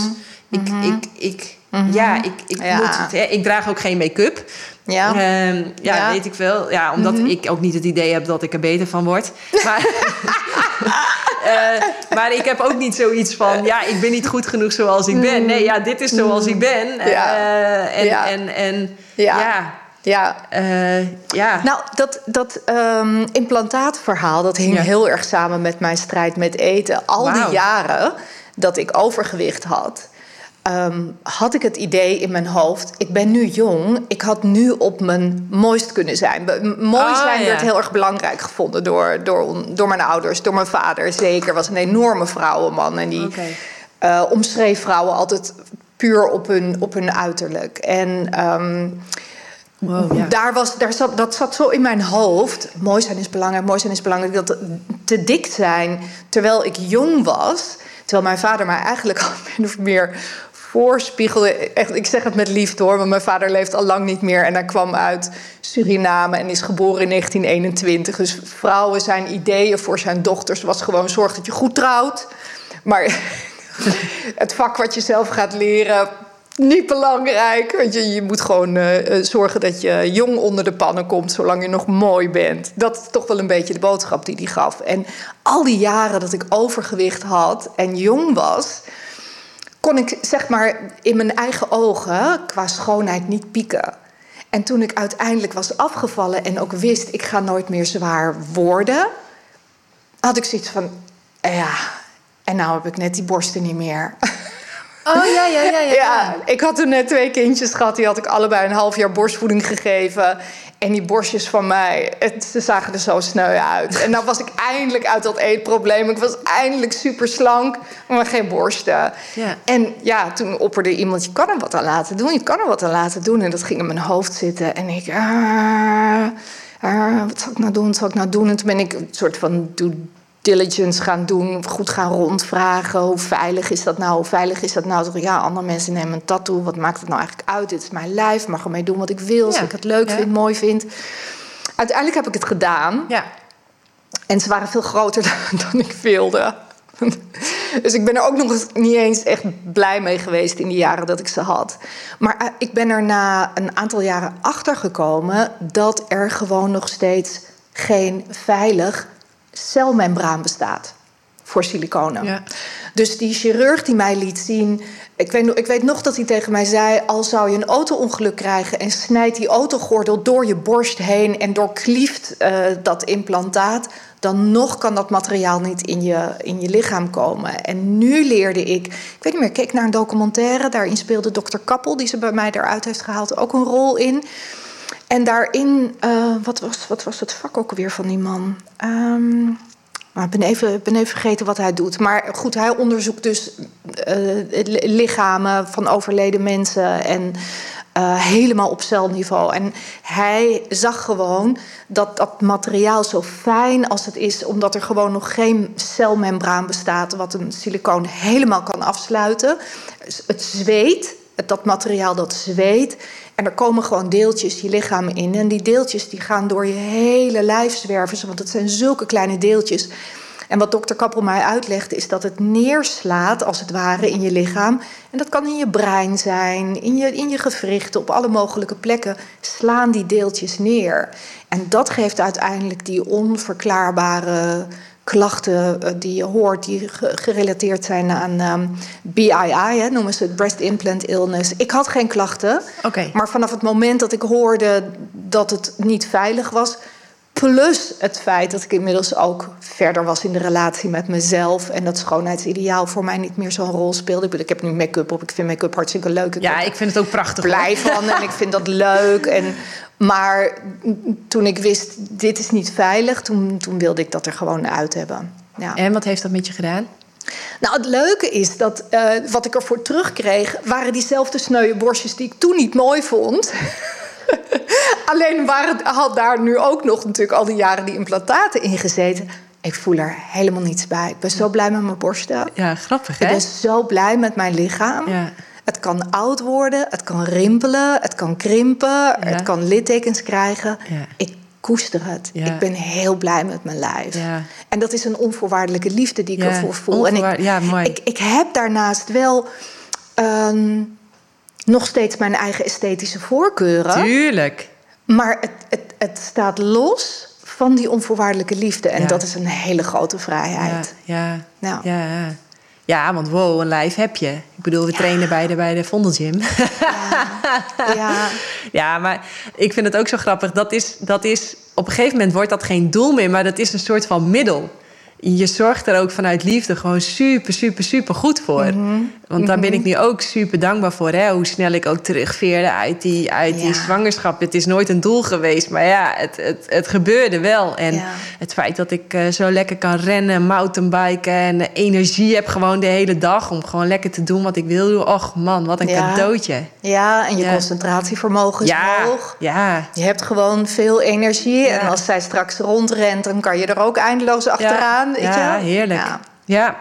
Ja, even terug nog ehm, naar, eh, naar mensen die bij jou komen. eh, jarenlang eh, proberen met dat wilskrachtmodel... hè, pondje door het mondje af te vallen. Ehm, nou, ze gaan dus zichzelf liefdevol observeren. Van oké, waarom, waarom, wil ik, waarom wil ik eigenlijk eten? Wa- en waarom eet ik eigenlijk veel meer dan dat ik fysiek nodig heb?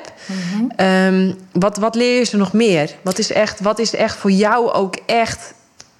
echt Ja, het, ehm, di- dit zijn de, de, de, best practices en de tools die uiteindelijk bij elkaar komen. Wat dan resulteert in het gewicht wat je hebben wilt Ja. en die fijne relatie met eten.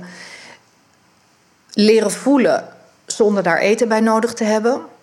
Je gedachten leren managen via gedachtenwerk, zodat je veel stress en gedrag bij jezelf kan weghalen wat, eh, waar je last van hebt. Want jezelf continu overvragen en overprikkelen komt natuurlijk ook uiteindelijk bij je overtuigingen vandaan. Ja. Hè? Mijn werk moet af, dit moet Ja, af, ik heb wie te weinig tijd. Ja, precies. Dus het leren voelen zonder eten, je gedachten leren begeleiden. En dan uiteindelijk genotzucht leren begeleiden door een mooi ontwerp te maken wat bij jou past. In diëtiek wordt er. Wat, wat, dit- ik snap er niks ja, van. nou, in diëtiek wordt er vaak gezegd: dit is waar je van afvalt. Of als je het hebt over levensstijldieet, dit is wat goed is voor je lijf. Ah ja, ja, ja. Maar die relatie die je met eten hebt, daar zit bijvoorbeeld aanvankelijk nog het idee in dat het weekend pas gezellig is met een tractatie erbij. Oh ja, ja. Of ehm, als je ziek was als klein kind, kreeg je altijd eh, tomatensoep met vermicelli en balletjes. En dus doet die soep iets voor je. Ja.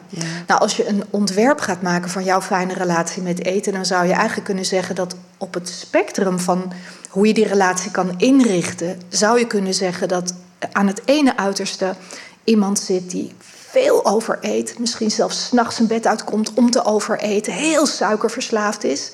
En op het andere uiterste van het spectrum zit iemand die onthecht is van voedsel en echt alleen maar eet om voedsel als brandstof te gebruiken, groene thee drinkt, water drinkt en nooit eet om te belonen of om aan zichzelf te ontsnappen. Ja. Nou, op het moment dat je een ontwerp gaat maken om jezelf mee te begeleiden, dan zit je ergens op het spectrum tussen deze twee. Ja. En wat je ziet is dat je soms geneigd kan zijn om meteen hier naartoe te willen springen. Oh ja, ja. In ja, de, ehm, je hebt namelijk wel afspraken met jezelf nodig over hoe je voor jezelf wilt zorgen, omdat er nu eenmaal te veel momenten op de dag zijn waarop je wilskrachtreservoir is uitgeput. En dan is het deel van je brein wat nog keuzes kan maken die in jouw beste belang zijn, dat is op dat moment verzwakt. Ja. En het deel van het brein wat genotzuchtig is, zeker als je een verleden hebt met veel overeten en diëtiek, dat domineert. En Dus, om, eh, ja, sorry, ik laat je uitpraten. nou, om daar goed op te kunnen sturen, heb je een plan nodig voor jezelf, een ontwerp voor jezelf, Ah. wat je helpt om op die momenten dat dat wilskrachtreservoir is uitgeput, nog te weten: oh, dit is wat ik doe. Oké, dus eh, leefregels? Een Ehm, kader? Het, het is je kader zoals je zeg maar in een vliegtuig zou weten. Mocht de druk in de cabine wegvallen, dan doe je dat zwemvest om, dat blaas je op en je volgt de lichtjes over het gangpad. Zo weet je dan met het ontwerp wat je maakt, ik noem het een ontwerp, weet je dat als je om vier uur 's middags door de supermarkt loopt en dat deel van je brein wat genotzuchtig is, toegang heeft tot je taalcentrum en je dan ineens vertelt: ik haal nu alvast wat M&M's in huis voor de kinderen. Wat er eigenlijk op neer gaat komen dat jij ze zelf gaat eten. Ja, ja, ja, ja, dat deel van jouw brein zal je altijd verrassen en kunnen domineren als jij niet weet. Ah, als ik die gedachte krijg, Ja, ja, dan weet ik dat dat niet mijn ware verlangen is. En dat. Kun je herkennen door het hebben van een ontwerp waarvan je precies weet welke plek die M&M's van jou krijgen. Oké. En op dat spectrum tussen Daar begeleid jij dus mensen mee om dit te maken. En ik zorg dat ze daarin zelf de autoriteit zijn. Want in diëtiek is er vaak iemand anders die je vertelt wat je gaat eten of niet gaat eten. Ja. En ik help eh, mijn klanten om zelf de autoriteit daarin te zijn Ja. en te ontdekken: hé, hey, wanneer, met welk ontwerp voel je dat je een ontwikkeling doormaakt, maar jezelf niet overvraagt? Ja. Direct die onthechte yogini willen zijn die alleen maar eet om zichzelf te voeden. Ja. Als jij nu nog emotioneel erg gehecht bent aan, Ja. nou, zeg die tomatensoep of die M&M's, Ja. dan ehm, zal je dat alleen maar op wilskracht kunnen volhouden. Terwijl als je eerst de, het gedachtenwerk doet om jezelf te helpen onthechten van de M&M's of te onthechten van het idee dat die tomatensoep troost is, dan kun je weer die switch maken Ja. van het wel mogen, maar het niet willen. Ja, wat ik ook nog vaak extra even doe, is. ehm, hey, ik begeleid natuurlijk ook superveel mensen Mhm. die bij mij komen. Waar, en dan is het ondenkbaar voor ze dat ze ooit zullen stoppen met snoepen. hè. Mhm. Maar wat ook, dat is even een trucje, een kleine hack. Maar even wat pijn toevoegen. Aan, aan, aan, aan, aan eten wat ze helemaal opgehemeld Ah. hebben in hun hoofd. Als, als, Ja. als de ultieme... Het Ja, aan het... Weet je wel, vrijdagmiddag, oh, Tony kopen. En dan helemaal, weet je wel, eh, die, die, die, die... Terwijl ze het eigenlijk niet willen. Als die reep op is, is, begint het spijt al. Ja, dan eventjes van, eh, gaan we gewoon... tijdens al. Wat zei je? Vaak tijdens Ja, al. ja, ja, Ja. ja, Ja. Toch even wat pijn voegen, toevoegen ook aan het product. Van waar zijn we nou eigenlijk mee bezig? Wat eet je nou eigenlijk? Wil je dat wel echt? Ja. Want dat brengt me ook bij het volgende. Eh, klopt het dat jij ook helemaal plantaardig eet? Ja. Ja, Wat- wat- Ah, ik kan niet zeggen 100% waterdicht, maar het liefst wel. Ja, Wat, ja, wat ja, brengt je dat? Veel energie, heel veel energie. Ja. Echt, er is een heel groot verschil. eh, kon ik duidelijk merken na een eerste paar weken al. Ja. Wat, het, wat het voor mijn lichaam deed en hoe helder en alert ik werd. En dat Ja. vond ik nog het allerlekkerst. ja. Die energie hebben. En, Ja. eh, want ik heb ook het idee hoe echter je eet, hoe echter, puurder je eet, hoe puurder, echter, helderder ook de communicatie met je lijf wordt. Ehm, als jij, ik eet bijna alleen maar onbewerkt en vooral heel veel fruit en wat planten. ik, ik heb het idee dat mijn lijf haarfijn met mij communiceert over wat ik moet hebben, Ja. wanneer ik dat moet hebben. En Ja. ehm, dat, dat, dat, dat, dat, dat plantaardig eten, dat faciliteert dat heel erg. Dat 100%. houdt, Het- het- de, de hormonen, alles in het systeem raakt in de war van knutsel eten. Ja. Dat, is het, dat is het lastige Dus met knutsel eten proberen.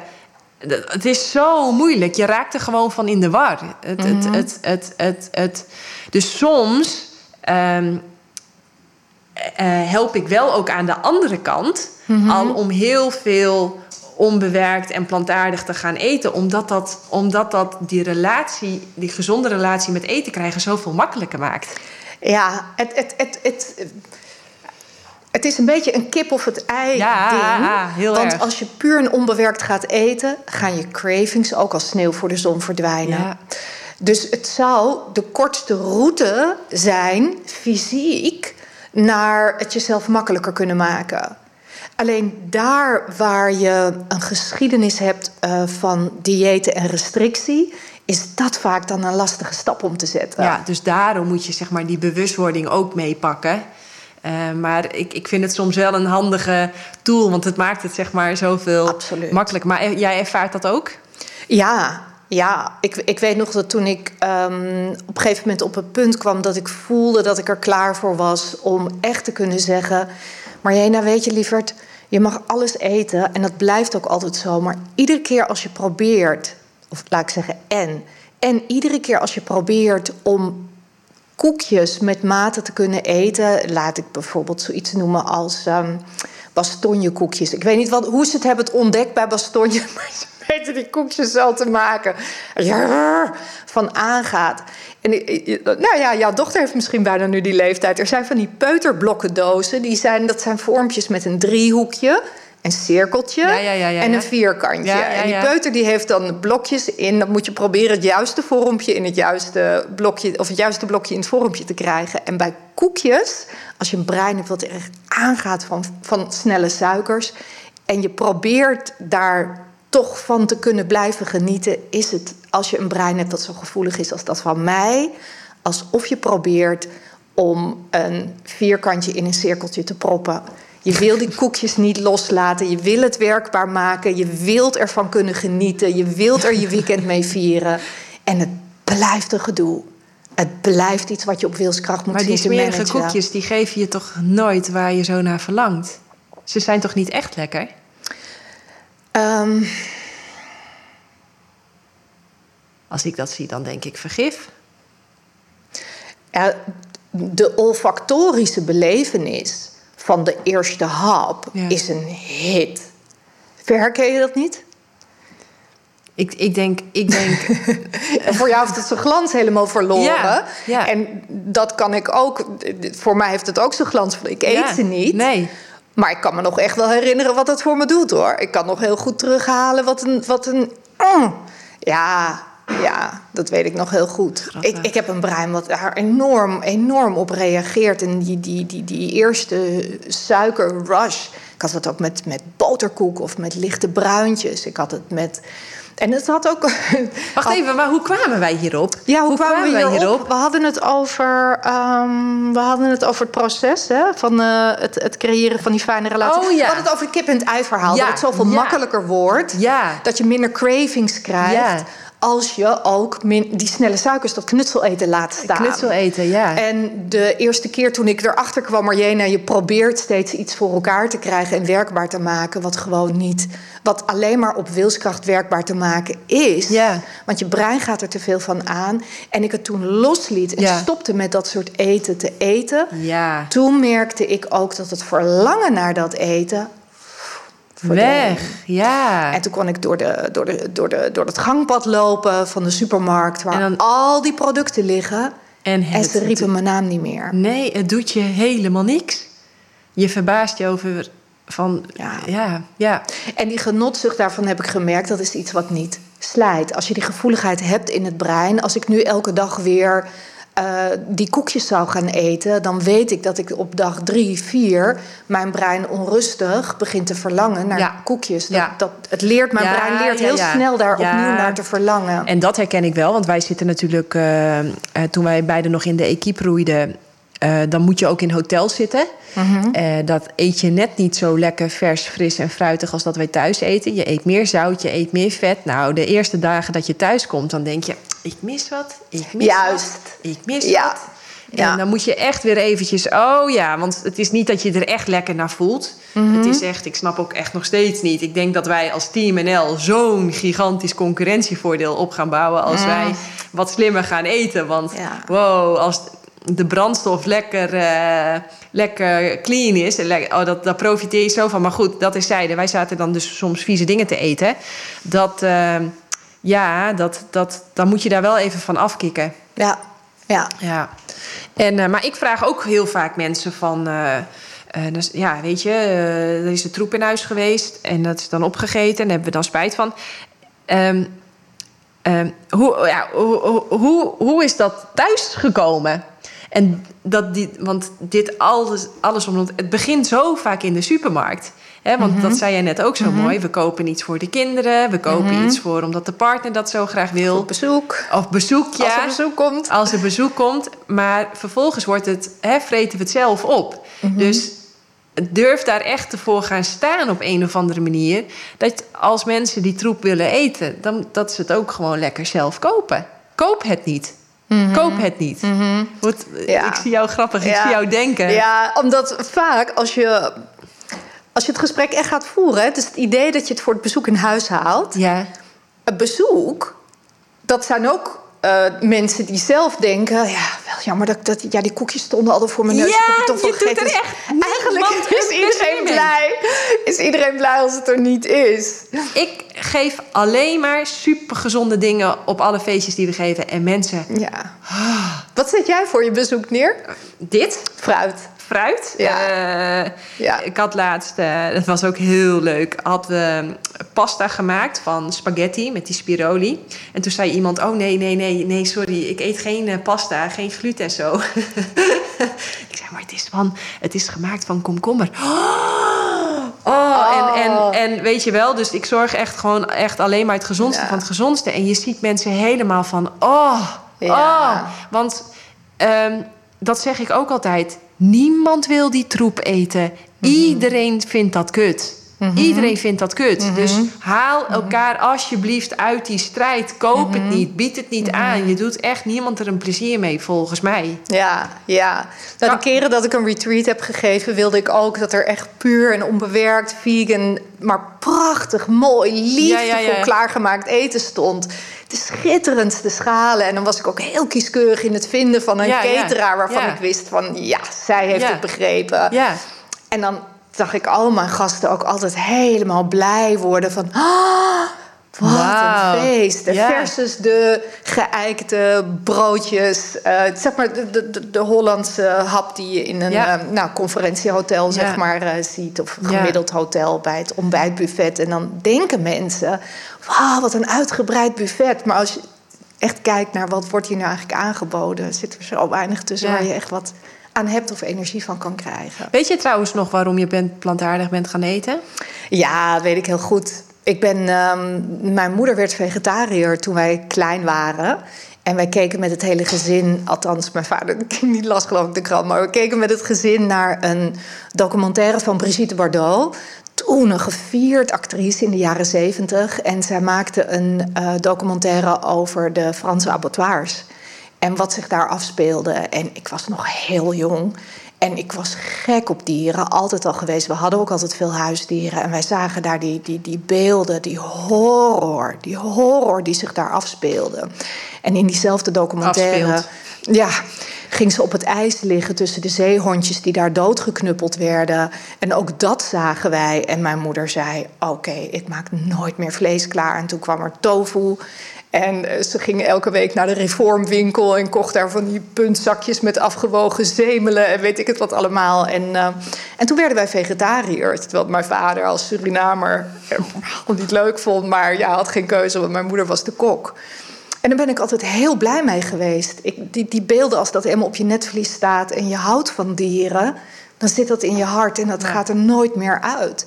En voor mij, wetend dat een varken net zo slim is Ja. als, als, als een hond. En dat het net zoveel trucjes kan leren en net zo gek is op knuffels en aandacht en buitenlicht. ik was van de zomer op fietsvakantie met mijn man. En ehm, we wilden naar Berlijn fietsen met z'n tweeën. En ik geniet van, van dat prachtige platteland. En ik ben gek op fietsen. Maar iedere keer als ik langs zo'n varkensstal fiets, met stilte, je ruikt ze niet, je ziet ze niet, ze zien geen daglicht. Voelt toch alsof je langs een, ehm, ja, een, een, een horrorverhaal, een concentratiekamp fietst. En, en daar speelt zich een, een afschuwelijke misdaad tegen de rechten van het dier af. En, uh, en als je dan zo'n vrolijk plaatje aan het hek ziet, hè, van een lachend varkentje vaak. Ja, dat, ik, dat, dat maakt het voor mij zo'n fietsvakantie echt lastig. Want het, het, het, komt heel erg bij me binnen. Ik vind dat heel moeilijk. Mm -hmm. En ik wil er echt op geen enkele manier iets mee te maken hebben. En, um, ja, dus dat. Ja. en toen ik een jaar of twintig was, toen vond ik de eerste boeken die gingen over veganisme. Toen heb ik geprobeerd om vegan te gaan. Maar dat was toen nog, nou begin jaren negentig, echt heel erg lastig. Er waren ook nog helemaal geen vleesvervangers. En ja, als je dan geen kaas op je boterham wilde en je wilde ook geen hagelslag, want daar ging je van aan. En dan werd het gewoon, werd het gewoon echt lastig. Dus ik heb dat een paar keer heb ik daar tegen aangeschuurd. En in de, in de periode dat ik jou ontmoette, toen had ik net de, de raw food stroming ontdekt. En um, ja, toen vond het echt zijn plek. Ja. ja. De smoothies kwamen toen ja, ja, helemaal in en, en op. Ja, leuk. Ja. Leuk. Heb jij alles gezegd wat je wilde zeggen? Zijn er nog dingen over jouw methode, over etenslessen, over echt. Um, nou, ik denk eigenlijk dat. Um, als ik nog iets zou, zou zeggen tegen iemand die hier naar luistert en die denkt: je vertelt mijn verhaal. Dan, dan zou ik zeggen: ga eens naar mijn podcast luisteren. En um, neem mee dat wat je al die jaren hebt gedacht, dat het jou aan wilskracht ontbreekt, dat het jouw fout is, dat er iets mis is met jou, dat dat een misverstand is en dat hoe lang je dit gevecht ook al hebt, het nog steeds volledig mogelijk is om er helemaal uit te komen. Ja. ja. Ik zeg altijd, er is niks mis met jou, er is iets mis met, mis met je strategie. Juist, ja. En, uh, ja. en een strategie kun je gewoon veranderen. Mm -hmm. Dus dat is wel fijn. Ja, absoluut. absoluut. Ja. Nog vragen voor mij? Nou, het is een zijsprongetje. Maar jij, jij had het over die sportjournalistiek, die, je niet, uh, die je erg aan de oppervlakte vindt. En ik heb precies hetzelfde. En ik zou dolgraag van jou willen horen. Wat zouden we nou aan topsporters kunnen vragen op dat moment? Wat het zoveel boeiender maakt en ook daarmee leerzamer maakt voor ons allemaal, ook als we zelf geen topsporter zijn? Ja, vragen naar de reis. Juist. Vragen naar de reis. Ja. Hoe ben je hier gekomen? Maar wie ben jij ook eigenlijk? Of zo, ja, wie ben jij? Dat, weet, dat is wie er voor je staat. Maar wel ja, de reis. Um, wat zeg je tegen jezelf? Uh, hoe zien je dagen eruit? Ja. Ik wil je gewoon, ja. ja. Ik denk dat dat. dat uh, ja ik wil altijd gewoon graag, of graag, ik probeer gewoon ook vaak uh, niet antwoord te geven op de vraag, maar gewoon te gaan vertellen. Bijvoorbeeld uh, over, maar dat, daar storen mensen zo. Nou, dat, ja, ik ga toch ook wel vaak vertellen van, ja, kijk, wat ik ook leuk vind, op dat podium staan, dat is natuurlijk even lekker voor mijn egootje. Maar ik denk ook wel vaak, het is ook een kans om weer te vertellen van, jongens, jouw winst hoeft niet te kosten te gaan van iets of iemand anders. Mm want heel veel sporters zijn het, die eten echt geen dieren omdat het kwaadaardige mensen zijn of omdat ze pro-dierenmishandeling zijn of scheid hebben aan het milieu of zo. Ze eten dieren omdat hun wijs is gemaakt dat ze zonder dierlijke producten niet optimaal mhm. kunnen presteren. Wat natuurlijk een gigantische leugen is. Ja. Maar als je daar toch weer even een zaadje kan planten van jouw winst hoeft echt niet ten koste te gaan van iets of iemand anders, ja, dan, dan is dat. Ja, dan, dan probeer ik dat toch weer te doen. Want daar is misschien ook wel een podium voor. Niet, niet per se om te kijken, om te zeggen van nou, ik ben beter dan jij. Wat natuurlijk hartstikke bullshit is. Maar je kunt het wel gebruiken ehm, als, uh, ja, als podium om je boodschap uh, te delen. En dat maakt ook direct dat je niet alleen voor jezelf zo hard traint, maar ook een, een, een why hebt, een, een hoger doel. Ja. En dat is natuurlijk ook altijd leuk. Ja, en ik wil je daarvoor bedanken, Janneke. Want ik vind, ik weet wat er voor nodig is om op topniveau te sporten. Ik heb zelf als kind heel veel gesport. Wij zaten allemaal op, ik kom uit een heel sportief gezin. Ik Ja. weet wat er voor nodig is om de discipline aan de dag te leggen. Om prachtige prestaties te kunnen leveren. Dat jij daarnaast zo'n groot hart hebt voor dit. Ja. Hè, het bekendmaken, het verspreiden van de boodschap, hoe het ook anders kan en hoe vitaliteit samen kan gaan met een mooiere, betere, gezondere wereld. Ja. Dat bewonder ik en verdient groot applaus, vind ik. en je bent daarin een enorm inspiratiebron. En eh dank je wel voor het mooie werk dat je doet. Dankjewel. Ja. Nou, gaan we het daar ook mee afsluiten. Oké. Dankjewel. Vond je dit gaaf? Vond je dit gesprek gaaf? Heb je hier wat van geleerd? Eh, deel het volop op je social media. Eh, en ga ook naar jannekevandermeulen.nl. Daar kun je doneren, zodat we dit werk voor kunnen zetten. Eh, heel erg bedankt voor het kijken. Tot de volgende keer.